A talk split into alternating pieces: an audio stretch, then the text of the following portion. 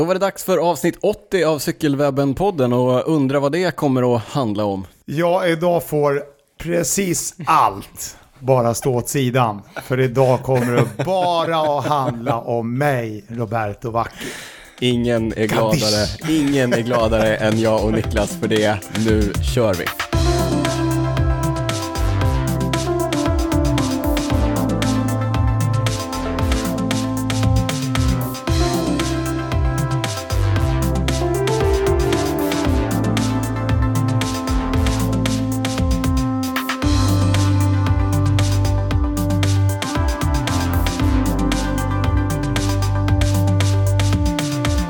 Men som sagt, varmt välkomna till avsnitt 80 av Cykelwebben-podden. Oftast bara med mig, Daniel Rytz, och på andra sidan bordet eh, Niklas Hasslum. Men som sagt, idag har vi med oss drömgästen, Roberto Vacchi. vi ger honom hybris Ja. direkt.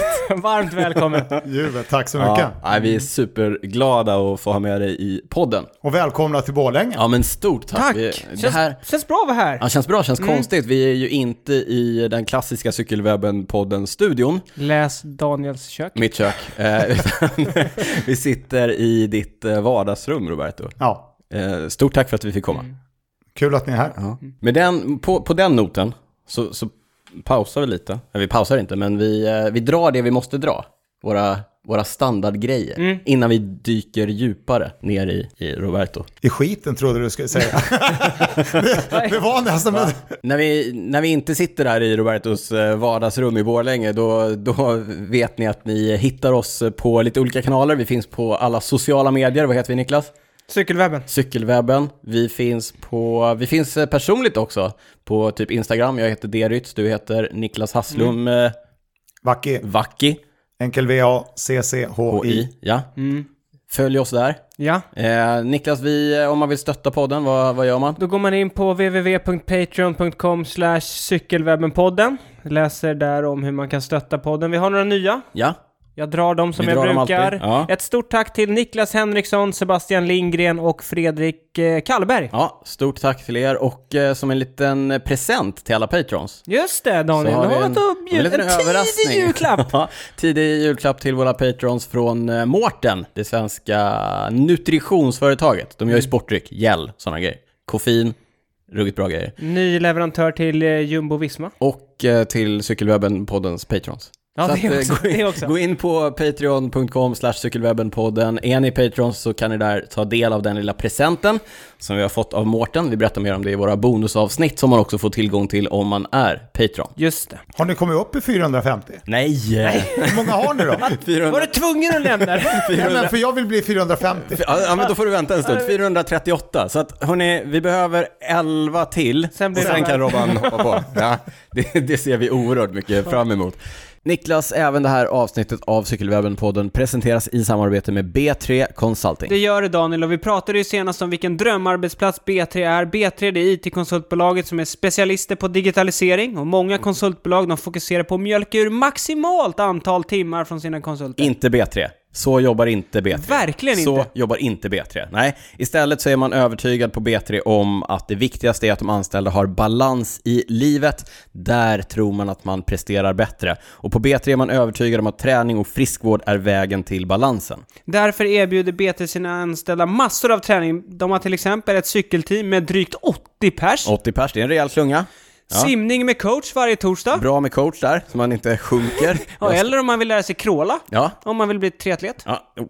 Ja, eh, vi, går, vi går vidare. Crossfit på fredagar. I'm there alltså. Jag, jag Ja, du är lite crossfit-kille. lite crossfit-kille. De kör yoga på eh, två gånger i veckan. Gånger i men veckan. numera, i dessa tider, Ja. på distans. På distans via Teams då eller? Specialister på Teams, Ja, som vi sa i förra Det sa vi i avsnittet. förra avsnittet. Ja, En annan modern och attraktiv grej är också att B3 erbjuder sina anställda förmånscyklar, det vill säga tjänstecyklar. förmånsbil, tjänstebil, helt ute. Nu är det tjänstecykel Känner som, ingen som har tjänstebil. gäller. Ja. B3 har fattat att vill man nå framgång så är nöjda medarbetare det absolut viktigaste. Ja, när B3 frågar sina medarbetare varför de jobbar på bolaget är svaret oftast frihet, grymma kollegor och en riktigt schysst lönemodell.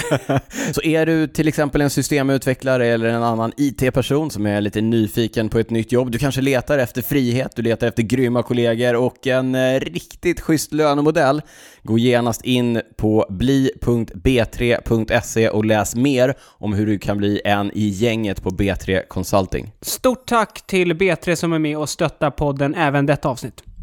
Nu fortsätter vi med det skulle ju bara handla om dig, så att vi gjorde en liten paus med lite... Förlåt lite att vi bröt in Vi tog lite tid, men eh, vi Det får gärna handla om lite andra också för min del.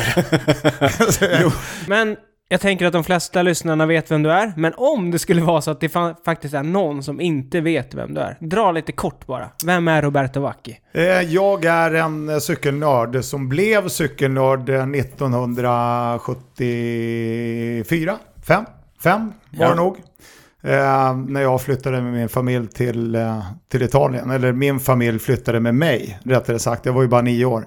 Och där upptäckte jag cykelsporten. Men du säger att du flyttade till Italien med din familj. Det Ja. låter ju ändå på ditt efternamn som att familjen hade som en koppling till Italien innan lite, dess. lite grann då, Ja. eftersom båda mina föräldrar är, Ja, ja. är italienare. Men vi bodde i, eh, eh, alltså vi hade en restaurang som vi drev i Sickla Och eh, sen bodde vi då i Bromma. Men mina föräldrar längtade tillbaka till Italien så vi flyttade ner när- 1974. Eh, för jag är ju född i, och även mina systrar är födda i Sverige. Mm.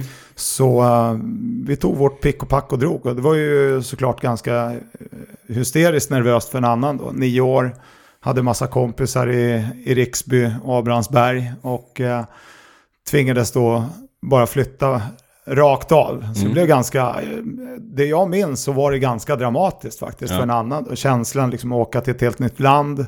Kunde du italienska då? Ja, vi, vi pratar ju italienska hemma och sådär. Så att det, det, den behärskar jag. Mm. Och sen var jag ju bara nio år så jag kunde ju, ja, lärde mig att skriva ganska snabbt och sådär. Så. Men det blev bara tre år. Mm. För det blev nästan bara jobb för mina föräldrar. Och eh, om jag minns rätt så ville mina systrar tillbaka igen då. Mm. Och, ehm, för de är ju lite äldre än mig. Så då kom vi tillbaka till Sverige redan 77. Mm. Och då började, fortsatte jag så att säga att tävla för Ja, du hade plockat upp cykelbasillen precis. så att säga Ja, i Italien. Jag var ju helt chockad. Jag hade ju en, en eh, var det, kan det vara en Crescent jag hade när jag bodde i Bromma då när jag var nio år. Med shopperstyre och sån här limpa. Just det, Och, limper. och växelspak i, I ramen. Ja, som man kunde slå i Ja, på fel ställe Ja, några ja. gånger. Eh, och i alla fall då så kom jag ner till Italien och såg den där boxstyrscyklarna. Det var vackert alltså. Så Ja. jag, jag blev otroligt förtjust i det där på en gång. Och min pappa visade sig då, han var ju copy-fan. Mm. Eh, och hade aldrig pratat om cykelsporten för mig överhuvudtaget. Och när han såg då att jag bara, åh vilken snygg. Sådär, för det, vi hade ju restaurang som låg ut med via med, ehm, Aurelia som, eh, ja, där cyklar ju tusentals cyklister varje vecka förbi. Eh, alldeles vid gränsen till Toscana. Då. Så eh, blev ju han eld och lågor och köpte en cykel till mig direkt. En, en instegs Bianchi med, jag tror det var så här 32 millimeters eh, Ja, ja, mer, däck, ja. liksom Mm. lite fetare däck. Och, Det är ju hippt nu. Nej, ja, det är precis. Jag var ju före min tid. Så. Ja, det var det. 45 år ungefär. Ja. Men eh, på den vägen är det. Och sen flyttade vi till Sverige och då började jag i Hammarby först. Då. Hammarby IF. Cykelförening. Hammarby Ja, Bayern! Ja, Bayern. Bayern, Bayern. Vi hade de här grönvita Ja. dräkterna då. De var snygga som fan. Och, och jag eh, gillar ju liksom Hammarby redan innan då. Mm. För jag, Är du bajare eller? Jag eh, kan man väl säga att jag fortfarande har en del, alltså jag, jag följer ju inte typ fotbollen eller sådär jättemycket men Bayern eh, ligger ändå någonstans i, långt in i, Ronny Hellström var ju min... Mm. eh, var ja, min du jobbar ju också med polisongerna. ja, precis. Ja. De, är, de är lättväxta kanske. Ja. Får gå med trimmen nästan i handen varje dag. Men eh, ja, Bayern är, det, det är någonting som ligger mig varmt om hjärtat. Eh, Och sen var det då en eh, Bayern Hockey. Det var en italienare som var materialare. Så han fixade liksom lite grejer. Ja, visst. så. Ja, ja. Ja, ja. Så det var ju lite coolt. Eh, men sen blev det spårvägen ganska snart. Mm. Och där körde jag fram till slutet kan man säga. Jag körde Västerås cykelklubb ett år också på sista säsongen. För jag flyttade till Västerås då. Och sen från det, nu är, du är ju, det du är mest känd för eh, våra lyssnare, det är ju som eh, Ja. kommentator på Eurosport. Ja, det skulle förvåna mig om det är någon som känner mig för mina resultat. Som cyklist. En riktig kalenderbitare. Vad sa du? Fyra ja. på Veloton?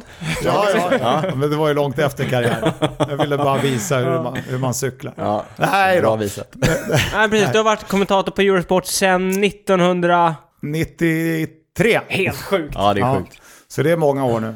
Så det, det, det har varit en jäkla kul resa, givetvis. Ehm, Jag jobbade ju på Cykelförbundet. Mm. Eh, om jag då ska berätta hur jag kom in på Eurosport. Och det, det var ju på det sättet att Eurosport eh, hade ju funnits ett tag, men så skulle man ju börja då med lokala eh, språk då. Ja, så Och, att inte eh, bara köra allting lokalt. Nej. Precis. Och, och Eller då- centralt. Ja. Centralt liksom, är- för det var ju engelskan då som Mm. de körde jämt med annars. Då. Eh, och då var det Bengt Grive som fick det uppdrag att eh, liksom plocka in folk. Att Bygga upp den. Ja. eh, ja. Och Grive eh, var ju hängiven alltså. För han hade jobbat på SVT i alla tider och sen fick han den här chansen då Mm. Att bygga upp liksom ett team på Eurosport. Och han hade ju idén då att gå ifrån det här med att plocka in skolade journalister så att säga Mm. till de här jobben. Mer åt att ringa förbunden och kolla, är det någon som passar bra för Vem traktorpulling? kan någonting? Ja. Precis. Jo, men det var ju allt möjligt ju med... Har ni någon som är bra på att surra och Ja, som kan cykla? Ja, precis. Roberto. Och eh, då, eh, Birgitta Langman som var min kollega då på Cykelförbundet, hon, det var hon som svarade och eh, kopplade in Bengt till mig och så fick jag åka och, och eh, först skulle jag testa men då ställde de in den tävlingen tror jag de skulle Mm. visa. Så jag bara, åh, fasen vad surt liksom. Men sen ringde de bara någon dag efter att eh, vi har velodromtävlingar från Paris. ja, men jag kör. Ja ja, jag är ja. skitbra velodromcykel, det är min grej. Ja, jag har aldrig kört, men jag vet allt om det. Och så fick jag prova då med, med Håkan Bergholtz, som han heter idag. Håkan och jag körde första dagarna och de märkte väl att jag tog över lite för mycket. Det blev för mycket snack och för lite experteri. Ja. Så sen eh, kom våren då, då blev det ju liksom att det blev lite mer landsvägscykel. Någon, kommer inte ihåg faktiskt vilken den första tävlingen var. Men Tour de France har alltid funnits med och första året, eller i alla fall åren, så var det ju liksom bara eh, det var ju bara någon timme man körde och svenska versionen skulle man täcka kanske, säg åtta etapper totalt. Så det blev kanske helgerna då som man, som man kommenterar på Ja, så svenska, det var sen resten på på, samma- engelska. Nej. Nej, Men var det, var det bara touren då, eller var det några andra tävlingar Nej, det också? var- det var bara touren? det var andra tävlingar också. Ja, det var det. Ja, på våren körde vi lite klassiker och så Ja. var det lite tapplopp sådär. Mm. Men det var ju inte alls i den eh, omfattningen som är idag. Nej. Idag har vi ju i stort sett alltid ju bara VM som vi Mm. inte utsänder då. Hur besviken är du, är du över det? VM känns supersurt Mm. alltså. För VM är ju, fan jag älskar VM så mycket alltså. Det, Mm. man har ju, det har ju varit verkligen sånt där som man har sett fram emot Mm. som cykelnörd liksom. Och cykelsporten har ju världsmästartröjor Ja, liksom, i alla discipliner. Ja, och, det är så. och det är ju Ja. faktiskt en, en väldigt viktig tävling. Så nu är det ju så många år sedan som vi kommenterade VM. Det känns väldigt surt. Det är ju såklart tråkigt med VM, men nu när vi eh, summerar säsongen och ser tillbaka, vi kan ju konstatera att eh, förutom VM, du har ju kommenterat eh, allt.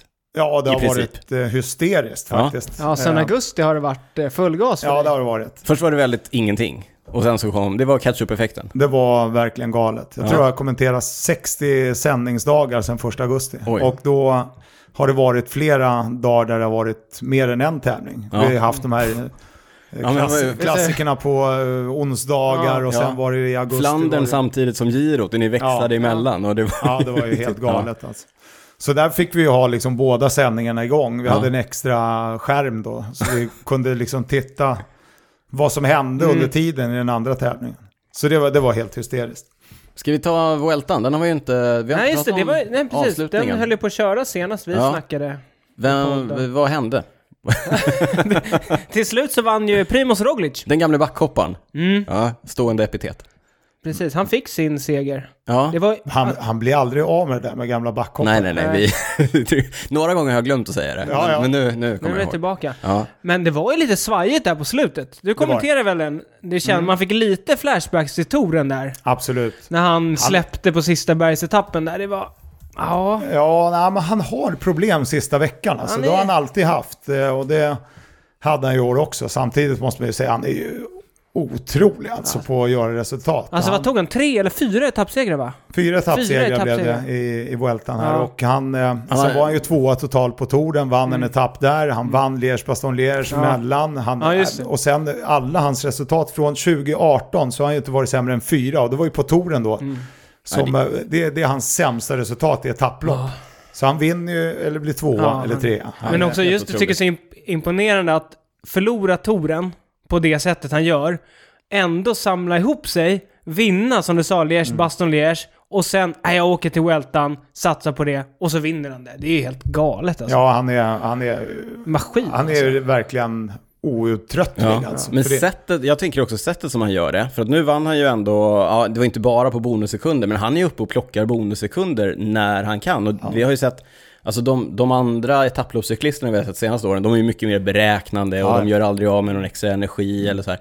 Han är ju mer, det känns som han är mer, eh, vad ska man säga, intuitivt. Alltså han kör på, på känsla rätt mycket. Ja, verkligen. Väldigt mycket sån, eh, säga, Men det kan ju också vara hans problem då, Ja. att han blir trött sista veckan. Jag Ja. menar, Det kostar på. Ja, det gör ju det. Han var ju nära att vinna en etapp i, i en spurt där på en, för när Magnus Kort Nielsen va? Ja, just det, just det. Det var, Det var ju, blev Ja, han ju det. lite instängd då och ehm, ja, men han är ju galet bra.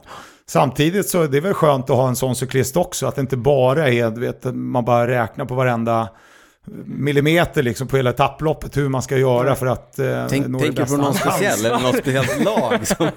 Ja, men det har funnits en del kan man säga. Genom åren. Men, eh, ja, men han är ju grym alltså. Sen blev han ju lite räddad av eh, Movistar faktiskt på Ja. den där eh, näst sista dagen Ja. då. Movistar och deras taktik alltså. Det slår aldrig Ja, men de är, Antingen kör de mot varandra, eller så kör de för Primoz Roglic. Ja. För jag tror faktiskt att eh, han hade, hade han varit helt ensam där sista kilometern också, då Mm. vet det tusan Vad blev alltså. vad blev Ja, det? men kan- 27 sekunder till slut? Eller vad Ja, blev vi kanske ska säga det först, att inför sista etappen, så, eller näst sista etappen då, så ledde Roglic med 45 sekunder före Ja. Carapaz. Lite mer. Och de följdes åt upp för den sista klättringen och med tre kilometer kvar någonting så attackerade Ja. Carapaz eh, Stenhårt. stenhårt. Och fick ganska snabbt 20-25 sekunder. Och där var det ju det där klassiska att eh, han hängde i sådär, låg en 30 meter bakom länge. Och sen ser man liksom Ja, alltså, att han börjar titta ner, han börjar Ja. titta bak och då kommer den där klassiska tröttheten. men han, man ser också på mentala. honom när han blir trött. Han Ja. har en förmåga att se så o... Inte ansiktet, Nej, men är, Hjälmen åker bak. Och, armbågarna ut och... ja. Och det, där kommer kanske eh, hans, ska vi säga att han inte har cykelsporten i grunden. Nej. Det är lite sådana tendenser man ser. Ärmarna kavlas upp lite grann och man bara nej.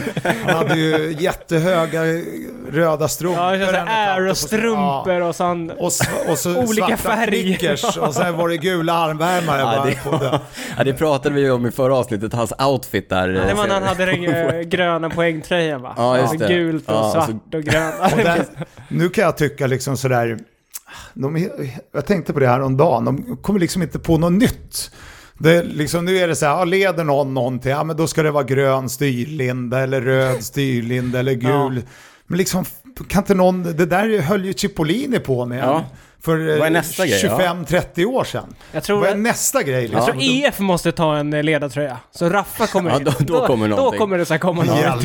Ja, vad tyckte du om, vad tyckte du om det? Vad tyckte du om EF-kittet på girot? Ja, jag, jag liksom... Ja, men vi vill ju bara ha kul, lite kul. Ja, men... Måste ni ha det så någon- kul? Ha, ha, ha det någon annanstans, snälla. Nej, det var ju lite, det är klart, men det är ju otroligt, de är ju skickliga som bara den. Alltså, Det är bara att konstatera att de får ut väldigt mycket, det snackas mycket om dem. Ja men verkligen. Det var Men- det som var målet. Jo men absolut, men, men det ska vi också säga att i år, eh, vilken säsong de ändå har haft eh, Ja. Education First. Och min, min stora fråga är, hur ska Jonathan Waters vrida det till att de fortfarande är underdogs så att det går så himla dåligt för dem, att det är så mycket motvind hela tiden? Nej, de har ju haft eh, riktigt bra säsong. De är ju ett av, är det tre lag som har vunnit ett, minst en etapp på Mm. varje Grand Tour? Det har vi snackat om, för ja, det var ju en typ när vi drog igång podden. Mm. Då var när de hette Garmin, när de hette Cannondale va? Ja, Presented by... Nej, men sen så var det EF och så blev det Ja, jättelångt Men namn. de har ju varit ett lite sämre lag i flera år, men nu känns det verkligen som att de har blivit ett riktigt bra lag. rätt, liksom. ja. De har Mm. hittat rätt med många cyklister. Higita, Martinez och... Carthy nu då Ja, senast. Carthy. Ja. Verkligen. Vad tänker du kring Hugh Carthy? Han fick väl sitt stora genombrott ändå nu. Ja, han, verkligen. Jo, men han är ju alltid, han är ju, han har sakta han är- tagit lite kliv varje Verkligen. år liksom. men han är ju lite, liksom, lite valpig fortfarande sådär. Han är, det känns som att armar och ben är lite Ja. överallt sådär. Ja, det är lite slitvarv. Men här var det ju en helt annan nivå givetvis. Han har ju vunnit liksom en etapp i Schweiz runt förut Ja, och sådär. Men sen att hålla i 18 dagar som han gjorde nu då, det var ju imponerande. Och Mm. Det jag gillade mest med honom det är ju att just den här kontrollerade cykelåkningen som har varit, jag menar, det, det har inte varit ovanligt de senaste 10-20 åren att folk försvarar sin sjunde plats i sammandraget för det är bra. Han vågade faktiskt Mm. satsa hela vägen. Han var ju först att attackera den här sista dagen, om det kommer Ja, ihåg. just det, Ja, just det. absolut. Så, och det är ju Ja. ganska häftigt alltså. Så han riskerar ju liksom väldigt mycket. Ja men och han är ju också någon som inte har, eh, han har inte en, en kappsäck full med eh,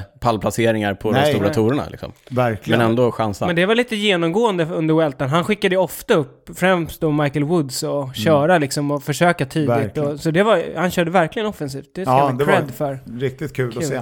Tappar han ju Woods till nästa år till mitt absoluta favoritlag Israel Favorit- Startup just det. Nation.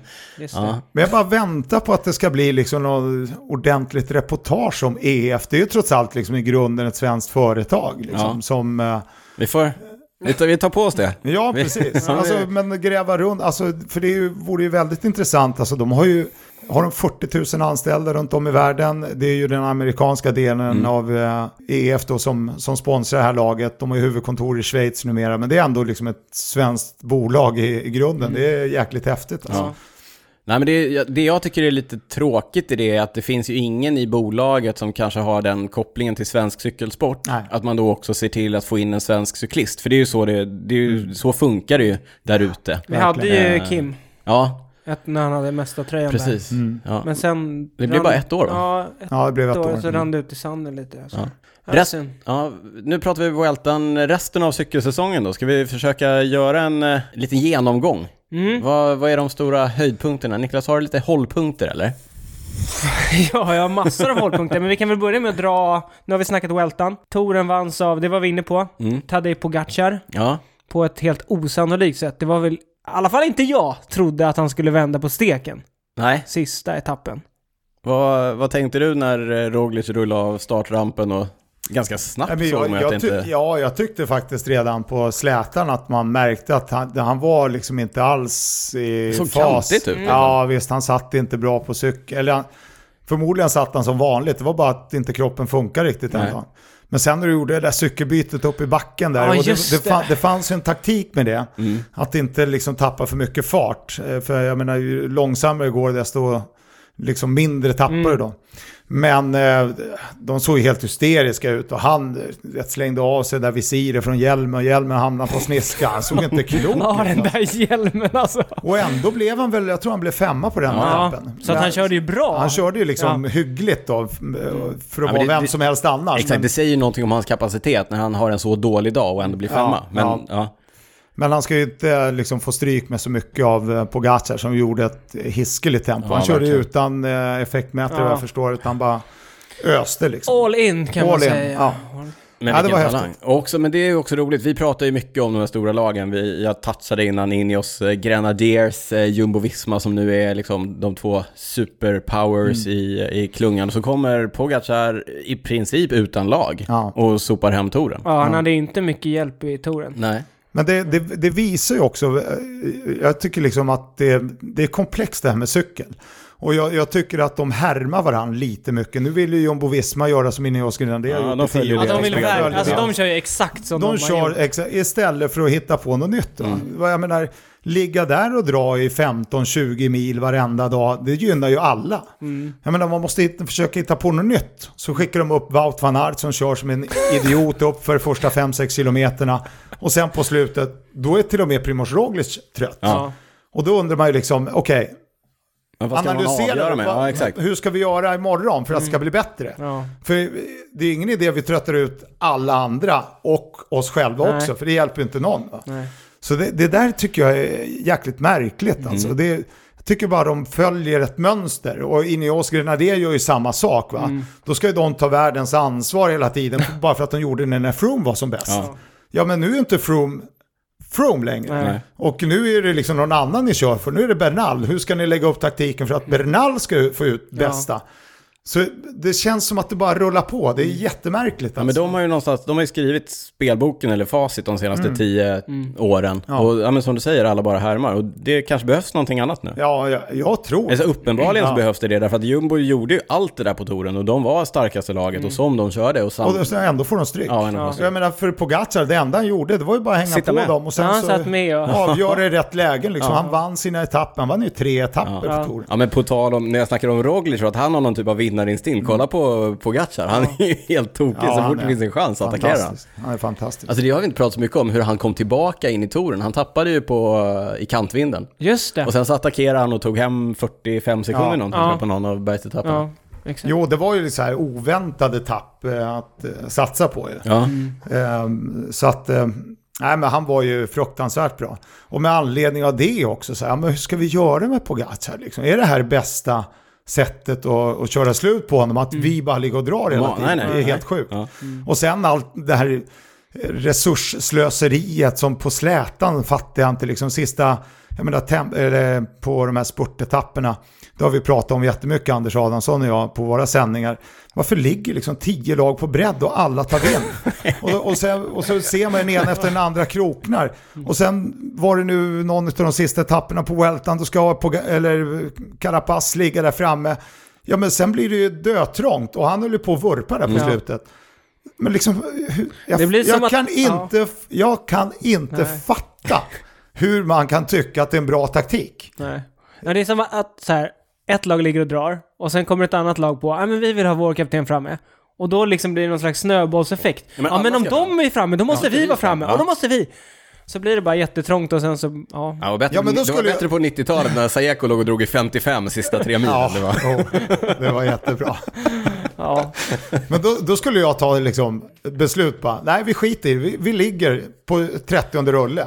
Hela laget ligger på 30 rulle. Händer någonting då är vi där samlade allihop i alla fall. Det, det blir ju bara, det blir ju en, en, en ond spiral av det. Därför att de vill vara där framme för att de vill undvika krascher och det, det, att man inte ska tappa tid på, på det. Men ju fler som är där framme, desto mer krascher blir det och desto mer osäkert blir det. och 10 så- bredder bara Ja, för plats med 8. Ja, nej det är inte... Då blir det trångt. Nej, det är ingen bra ekvation. Men bra. eh, om vi snackar touren, vad rankar du den här touren gentemot alla andra du har kommenterat? Nej men det var väl egentligen inte sådär skitroligt. Det var ju liksom det jag tyckte var kul. Det var ju, eh, och egentligen hela den här säsongen, det är ju det här generationsskiftet då. Mm. Med väldigt många unga cyklister som gjort resultat. Då var det extremt många födda 1998 som har varit väldigt bra. Ja. Det är nästan som att du, du, du ser ju inte vårt manus, men jag och Niklas Nej. vi sitter Har du hackat in i vårt manus? Ja, ja, precis. På hela natten. Skitjobbigt. Ja, nej, för vi, det var precis det vi, var, vi, tänkte gå in på, den här eh, generationsskiftet Mm. som du säger, 98 eh, liksom, det är ju något helt annat än vad vi har sett tidigare. Ja.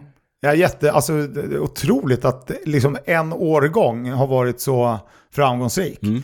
Och det har ju synts i alla tre Grand Tours, liksom, just de här 98 Sen är det ju liksom någon 96 någon 97 och så Ja. vidare givetvis. Men 98 är så många då. Mm. Eh, men det är väl det jag tycker har varit eh, extra kul, att de har varit så offensiva. Mm. Många unga cyklister. För sen touren som sådan, liksom, den var ju väldigt kontrollerad trots allt. Va? Sen det, men, men man kommer ju ihåg den där näst sista dagen. Det är ju den som gör hela touren Ja. ju, Ja, såklart. verkligen. och sen är det ju några som sticker ut av de där förhandsfavoriterna. Och det är ju Pogacar som egentligen sticker ut mest då. Just med det här att han tappar en del tid i, på kantvindsetappen. Och sen vet han ju liksom att jag måste börja plocka in lite i taget. Och så gör han det och Ja. så ligger han under minuten efter inför tempoetappen. Nej, så han, var ju, han är ju grym då. Men trodde du att han skulle kunna vända på steken? För Nej, Roglic är ju, han är ju ja. van, vanligtvis Nej. en fantastisk tempoåkare. Nej, så- det där såg jag inte Nej. komma alltså. Men jag misstänkte det ganska snabbt att det kunde bli problem. Mm. Eh, Men det är ungefär som att jag misstänkte att det skulle bli så att han skulle förlora Vueltan också, Roglic. Men så blev det ju inte Nej, så. nej, nej. Så att, eh, Nej. Men det behöver du inte berätta. Du kan säga, alltså jag såg det på tempot på touren, det såg jag. Men eh, Vueltan, där, Ja. där kände jag att Men under din tid som kommentator, den, för nu ser vi som du var inne på, vi ser ju att det är många unga som gör resultat och som också får chansen. Har du sett det innan någon gång? Har det varit så, om du ser liksom från 93 och framåt? nej. Det är nu det... nej, men i år har det varit extremt alltså. Ja. Visst, det, har ju varit- varit mycket mer, det har ju varit mycket tydligare hackordning Ja. i teamen. Alltså du Det har ju varit in... enstaka Ja. cyklister. Så här. Jag menar, Bernal förra året Mm. vann ju Tour de France, jätteung. Eh, Tom Bonen när han kom fram. Ja, Ja, men visst, fick vara kapten tidigt. Ja, körde ju jättebra sin första Paris-Roubaix direkt. Och, Peter Sagan givetvis. Det är ju de här ex- superstjärnorna liksom. Ja. Så de blev ju superstjärnor allihopa och Bernal är ju liksom på gång då. Mm. Och bli igen om man får bukt med ryggen. Men han kan ju bli en, eh, faktiskt en, en cyklist som dras med de här ryggproblemen resten av karriären. Men kanske inte blir så mycket. Det är Nej. ungefär som, som när Jan Ulrich eh, slog igenom då. Eh, Känner du till Jan Ulrich, eh, Niklas? Ja. den gamle tysken.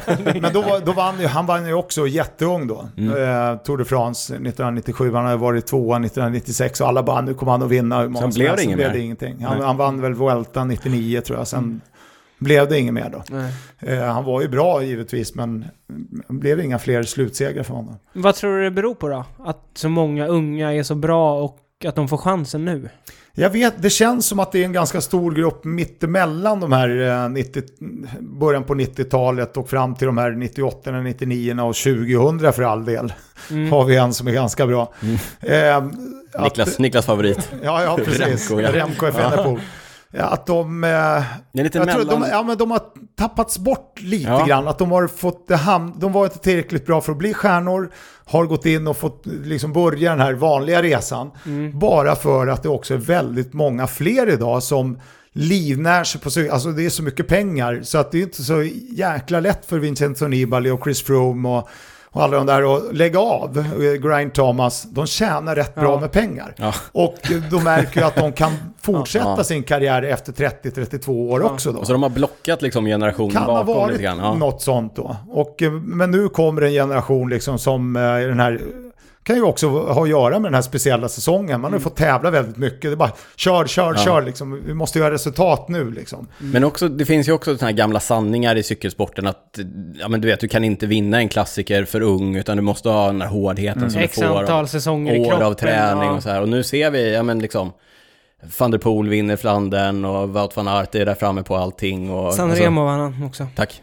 Eh, ja, nej, men, men här, det, är en, det är en helt annan typ av cyklister som vinner de här tävlingarna nu. Sen tror jag också, det ser man, jag som följer fotbollen en del, det känns som att längre ner i åldrarna, alla blir så otroligt seriösa liksom. Ja, Alla är så, liksom, Ja. lever sin sport och bara käkar rätt, sover rätt, alltså de gör inget annat än att bara tränar och träna, äta, träna, äta, sova.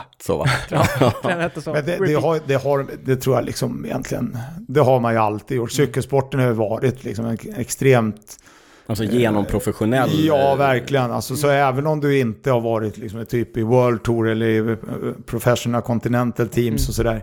Så jag menar U23 i Italien, Frankrike, de, de gör ju inget annat än att cykla. Och så har det ju liksom alltid varit på något sätt. Så, nej, men det är något annat. Alltså, det här är ett speciellt år på så otroligt många sätt. Eh, Och även det här just med den nya generationen. Att de har... Och, och det kan ju ha att göra med Bernal, det kan ha att göra med RMK Evenepoel, att liksom de har öppnat, alltså några till då som har öppnat ögonen Ja. för de här ungarna, att vi kan redan nu. Liksom. Mm. Man visar, Bara att det går, ja, men man Ja. visar att det går och så finns det fler som bara knackar på. Absolut. Sen också med effektmätare, man kan säkert, man ser ju såklart vad de liksom, Mm. de har kapaciteten. Vad de faktiskt klarar av. Det kanske bara handlar om att eh, liksom, kapaciteten har funnits där, men någon måste bara våga ge dem chansen också. Ja. Och förhoppningsvis så tittar de inte så jättemycket på det. Nej. Utan, Du är inget stort fan eh, av eh, effektmätare? Jo, det, men alltså jag är ju, vi brukar ju skoja om att vi är väldigt konservativa och det är vi ju för sig då. Men jag är ju, menar, ni har ju sett mitt cykelgarage. Ja. Jag gillar ju liksom lite färger. Gillar jag gillar de här prylarna nya. ändå. Ja, Ja. absolut. Eh, men eh, det får ju inte liksom bli... Ja, men det, det är ju helt sjukt. Först har vi då, vi pratar om Pogacar. Då är alla bara, åh, han körde utan effektmätare och körde så bra. Jag Wow. bara, vad fan. Det har vi gjort i hundra år. Ja, precis. Och sen då Grind Thomas som då hade krånglat till det tror jag på VM. Han körde utan effektmätare, de fick inte till det. Ja, det- Någon hade glömt. Just han hade... På tempot ja. Ja, han hittade inte sin Someone Garmin. fucked up, sa han. Ja, för att, ja, det var ungefär det han sa. Ja. Och eh, då blir det också så här, åh, han kunde inte göra sitt bästa. Nej. Vad fan, Nej, du ska ju köra 35 kilometer, det är bara att ta i allt vad du kan. Typ, säger jag då som har en 20 plats på SM som bäst. Ja, det är inte fy skam. På, inte. på den tiden, det var, det var bra. Det var vem, vann, bra. vem vann det året? Oj, ja, jag vet inte. Jo, men det måste ju ha varit, eh, var det Wahlqvist eller någon sån där. Lava. Lava, Lars Wahlqvist eller om det var Anders Jarl. Jarl vann i alla fall. Nej, Wahlqvist vann linjeloppet. Här Hans, kommer jag inte ihåg. hans grabb är ju eh, förbundskapten Dennis. för eh, cykelcrosslandslaget nu. det. Ja, just det. Ja. Vi knyter ihop här säcken. Mm. Ja. Men det, det, det, just apropå effektmätare. Så Det, gammal är jag, jag tävlar med Lava och dem. Gamla Lava. Lyssna här på Nej, jag podden. vet faktiskt inte. Han är jättegammal. Han är ett år äldre än mig. men det finns ju en diskussion, det har varit uppe några gånger om man ska förbjuda effektmätare. Och det känns som att den har kommit upp framförallt när Ineos har dominerat, eller Sky då som de hette, under x antal år dominerat touren. När de bara suttit och tittat på sina mätare Ja. och vetat vad de ska köra. Men det, det ser vi, det hör vi också mycket när vi, ja, men vi pratar liksom om, ja men man säger så här, girot i år, det kanske inte var samma nivå som man förväntar sig och det var därför som Gegenhardt eh, vann och det var kanske inte samma konkurrens. Men vi har ju hört från initierade källor att eh, om man tittar på siffrorna upp för klättringarna så är det absolut där uppe. Ja, ja. Det, är, det är samma prestation. Jag tror ni, både Nibali och Nibalis eh, coach var ute och sa det också att... Att Nibbels Nibali- brorsa tror jag jag skulle säga, men det var det. Nej. Antonio, nej. nej de, att han ligger på samma nivå, men det är bara att de yngre andra är bättre. Ja, de är bättre i år. Vilka är de stora liksom, eh, eh, höjdpunkterna på, på säsongen i år? Vad, vad har varit roligast att se och följa? För ja, men vi pratar om den unga generationen, men har Mm. du några som... Nej, men det alltså, om jag pratar med hjärtat så är det ju girot Mm. såklart. Eh, Jag gillar ju Italien runt bäst. Mm. Och det har ju mycket att göra med min bakgrund givetvis. Men, eh, det, och jag tycker det blev en jäkligt bra tävling. Ja. Jag, jag gillade det jag såg och också på slutet. För där fick vi ju se ett nytt Ineos Grenadier. Mm. De fick ju faktiskt börja och, och tävla på lite annat sätt. Och de behärskade det bra. Ja. Ehm, och det, det, jag tycker nog att det är kanske höjdpunkten i år, girot alltså. Mm. Ehm, och det, det har ju varit, och tänk vad nära det var att alla tre Grand Toursen skulle avgöras liksom näst sista, sista. sista dagen. Ja. Det var bra nära alltså. Så, Ja, men jag, jag tycker också, sista etapperna på, på girot, när det var mellan eh, liksom Ineos och eh, Sunweb, Mm. som, som det ju var. Ja. Och att ingen höll tillbaka, utan det var attacker och det var, Ja. det var fram och tillbaka och sen... Mm. Och det, det är liksom, de var ju helt orädda. Det är ju cyklister som inte hade varit i den situationen förut. Nej. Men det visar väl också liksom, återigen va, att eh, de hålls ju tillbaka av lagen för att de måste göra ett jobb så småningom. När de väl släpper dem lösa, som Jai Hindley till exempel. Eh, men vem fan hade trott det? Men Theo Gegan Hart hade vi ändå hört talas lite grann om. Nej, Hindley alltså. Det är ju en Men, jättesensation. men oddsen alltså. på att någon av dem skulle vinna liksom, Nej, det, nej. det finns ju inte på kartan. Nej, Men men, det, det var ju väldigt speciellt och det, jag tyckte det var kul liksom, att det blev sådär. Jag, jag hoppades att de skulle hålla på något sätt bara för att det, det blev någonting nytt. Liksom. För en annan har ju alltid, man har ju tjatat om vilka är det som vinner. Ja men det är de här fem som har chansen. Och så är det någon av de fem. Tippa alltid fel, men det är alltid någon av de fem. Ja. Eh, så att nu, här blev det ju liksom, jag märkte också faktiskt på alla kommentarer med folk som tittar, jag har ju väldigt mycket interaktion med mina tittare. Mm. Så det var... Ät Vacki, kanske det? Ja. Ja, precis. Och där, där eh, märkte man liksom att de gillade också att det, blev som det blev. Liksom. Men jag tror att det, det underlättar väl att många av de eh, stora favoriterna på förhand faller ifrån. Att de inte är där uppe, att de Ja. inte liksom blockerar körningen, att man inte följer den här mallen som vi har fått lära oss att liksom etapploppen följer de senaste åren, Ja. utan att det blir någonting annat. Och då är det Verkligen. öppet för, för de yngre att köra på sitt sätt Ja. liksom. Ja, det, det blev ju helt, helt nya sätt att tävla på. Så det var jättekul. Det här med att eh, säsongen såg väldigt annorlunda ut mot vad den brukar göra med vårklassiker på hösten och sådär. Vad, Mm. vad tyckte du om det? Vi, jag har beklagat mig lite grann om att eh, jag har saknat dramaturgin av den klassiska cykelsäsongen. Mm. Man gillar ju med liksom, uppladdningstävlingarna och de mindre vårtävlingarna som leder fram till eh, de stora klassikerna. Mm. Vad, liksom, vad, Ja, men det blev ju lite för smetigt också. Ja. Det blev lite för mycket av det goda på en och samma gång.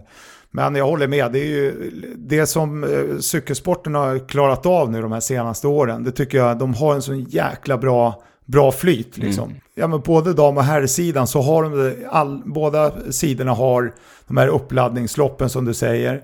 Och så kommer det liksom närmare och närmare, det blir tuffare och tuffare tävlingar, mer och mer eh, gatstensrace och sen så smäller det till i, i april, i slutet på mars och början på april då. Och hela april ut. Eh, och det där saknar man ju liksom, för jag menar det känns inte riktigt bra att ha Eh, jag menar Flandern runt när det nu låg i Nej, oktober månad. Det blir helt, helt eh, knasigt. Det blir inte samma, sätt av eller samma typ av tävling heller. Nej. nej, och cyklist, samma cyklister är inte riktigt i samma form Nej. och det blir liksom inte riktigt... eh, Nej, det blir det inte samma var- sak. det Men där jag, var trist. alltså jag kommer ju ihåg, eh, jag kommer ihåg våren, minns ni våren? Den var tidigare. Paris-Nice. Paris-Nice, jättekonstigt. Schachman gick och vann. Ja, men sen körde man ju ändå... Ja, de avbröt väl också va? Jag Ja. kör- Ja, det kommenterade några åkte hem och... Ja, det var men, några. Det var ingen publik. Jättekonstigt. men så här, man är superpeppad, öppningshelgen, Het Noisblad och eh, sedan... Eh, oj, Het Noisblad måste vi återkomma till, påminn mig om det Niklas. Eh, och sen eh, Kurne Bryssel Kurne. Och man är superpeppad och bara nu, nu händer det, nu är det Ja. vårklassiken, nu är det på gång och så bara, nej nu drar vi ut sladden och så händer ingenting fram till augusti. Nej, det var jättemärkligt alltså. Och Ja. jag fick kommentera Swift. Fem dagar i, i maj månad. Men sen gjorde ju vi ett sånt där svep med girot. Det tyckte jag var lite roligt faktiskt. Och jag kommenterade 28 dagar i maj Ja, faktiskt. Så det blev det här Swift och sen blev det ju då eh, 21 etapper från girot från 2013 och fram till 2019. Ja, just det. Just Just det, det. just Så det. ja, ja, Ruggigt kul. Ja, just ja, det. ja. Just det. Och det var riktigt bra faktiskt. Ja. För då var ju de som var i hetluften, de etapperna var ju med då på Skype och blev intervjuade och Ja. så. ja just det, alltså gamla etapper som Ja, du fick, ja. som du live-kommenterade igen. Eller hur, hur körde ni? Ja, det gjorde vi. Ja. Jag, jag har för mig att vi... Ja, absolut. Det blir jo, men väldigt- så blev det. Ja. Fast det, de ville ju så här, ja, men ni ska ju köra live liksom. Ja, fan, kan jag inte köra 2013? Och nej, nej, nej, nej. Utan jag, jag, jag tog det liksom som det var. Ja. Och det kändes riktigt bra, för då, då kunde man ju liksom... Jag menar, jag visste vad som hade hänt runt omkring och jag förberedde mig väldigt Ja. mycket. Så då kunde man ju liksom berätta, ja, han gjorde det här, men sen ångrade han sig. Eller, Ja. du vet. Ja men det är, väl, det är ju väldigt roligt det där. Jag älskar ju att se tv-serier flera gånger. Mm. Och det är, alltså saker och ting hamnar ju i ett annat ljus när man Absolut. Mm. vet vad det leder till. Eller vad det är, så om det är någon som gör ett resultat då och så vet man att men de skadar sig sen och försvinner. Det blir ju någonting, Ja. en helt annan dimension. Så att jag, jag tittade på en hel del av det där och tyckte att det var, det var underhållande och Mm. Ja, in, informativt. Mycket bra. Men du sa det också, du kan inte göra det som att det är live för att det är ju ganska mycket inlevelse. Hur, hur, alltså, du, du är ju en entusiastisk eh, kommentator. Ja, det är Om vi... Jag är passionerad tror jag, Ja, kommentator. Ja, förlåt. Och entusiastisk ja. också. Ja, nej, men, Men det, det, det där är ju ingenting som jag har tränat upp. Så där var jag liksom från början. Jag lever mig in väldigt mycket Ja. i tävlingarna. Och ehm, det är ju samma, det spelar liksom ingen roll egentligen vad det är för, är det någon idrott som jag gillar? Jag blir väldigt engagerad, jag kommenterade ju längdskidor och eh, skidskytte på OS i Pyeongchang. Jag lever mig in liksom i saker och ting som är spännande. Mm. Och då, eh, ibland får jag liksom komma på mig själv. Eh, och jag, var övertaggad på OS första dagen, kommer jag ihåg. För då var det liksom, det var Kalla vann ju guld direkt. Och jag, liksom, jag var den, ju, är, den är svår att inte vara övertaggad Ja, på. då blev man ju liksom... Jag, jag, skulle liksom... Jag taggade till på rätt ställe, för det kändes som att hon var på väg att avgöra. Men så skulle man gått ner några nivåer och Ja. sen tagga om då. Men där, jag låg kvar där liksom tills hon gick i mål. Och då blev det lite för mycket. Men, eh, så ibland måste man ju tänka sig för också så att det inte blir too much då. Men, men samtidigt måste man ju gå på den känsla man har. Mm. Och ehm, det där, jag har det liksom i mig, att Mm. bli väldigt engagerad. Så det är ingen, det är ingen jävla teater liksom. Vi, Eh, vi pratade om det jag hoppas att det hörs att det inte är någon teater. Ja men det hörs, Nej, det, det, ja, hör, det, ja. det är genuint och det finns, alltså det din, din kärlek till cykelsporten tror jag är, går inte att ifrågasätta. Och- Nej, jag, den, den finns ju ända sedan jag var grabb Ja. som sagt. Eh, Den, den eh, började jag och eh, lära mig att älska redan som tioåring. Och det, så där är det ibland. Liksom. Med vissa saker blir man ju väldigt fäst vid och, och eh, engagerad i. Och cykelsporten är, den har ju någonting som andra idrotter inte har. Det är Mm. bara att konstatera. Men det är svårt att sätta fingret på det. Alltså det är Ja. lite, jag vet inte riktigt vad det är. För mig är det dels liksom det, det taktiska och sen också när man, när man blir lite mer insatt och man lär sig lite mer om de här karaktärerna och man liksom förstår mer var de kommer ifrån och senast nu hela det colombianska gänget. Jag såg det i, eh, var det i Moviestar-dokumentären på, på Netflix, när man får följa liksom eh, det gänget hemma vid eller se var de kommer ifrån, vad det betyder och vilken, vilken liksom impact det har på, ja, men på hela landet Mm, och allting. folket, alltså, ja. Det blir ju mer, det är ju mer än idrott, det är det som är häftigt med idrott. Och det är inte bara Colombia, Ecuador nu som Ja. har vunnit etapper med Caicedo, med Narvaez som har vunnit med Carapaz. Carapaz. Mm. Har ni Ja. sett eh, filmerna från Madrid? Ja, när Han, han springer med flaggan, Ja. ja. det är så mäktigt. Niklas kommer lägga upp det, Ja. det sa vi inte, cykelwebben.se. Gå också och mejla om ni vill önska någonting på info.cykelwebben.se. Vi är lite ur gängerna här för vi är så, vi är så glada för Ja, ja, ja.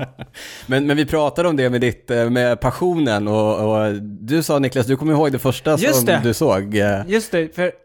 Men, men när vi snackar om cykel, när man ser cykel på tv och man inte är insatt, då kan det se ganska tråkigt ut, måste man Ja, säga. innan man fattar. Innan man fattar hela grejen. Och jag började, jag kom in i cyklingen genom att jag faktiskt kom in på en Eurosport-sändning. Och det var ju 2011. Du hör, han är Ja, ja. han är nybörjare. Juniorjävel. Jag firar 10 år! Ja, snart. grattis. Ja. 10 år nästa år.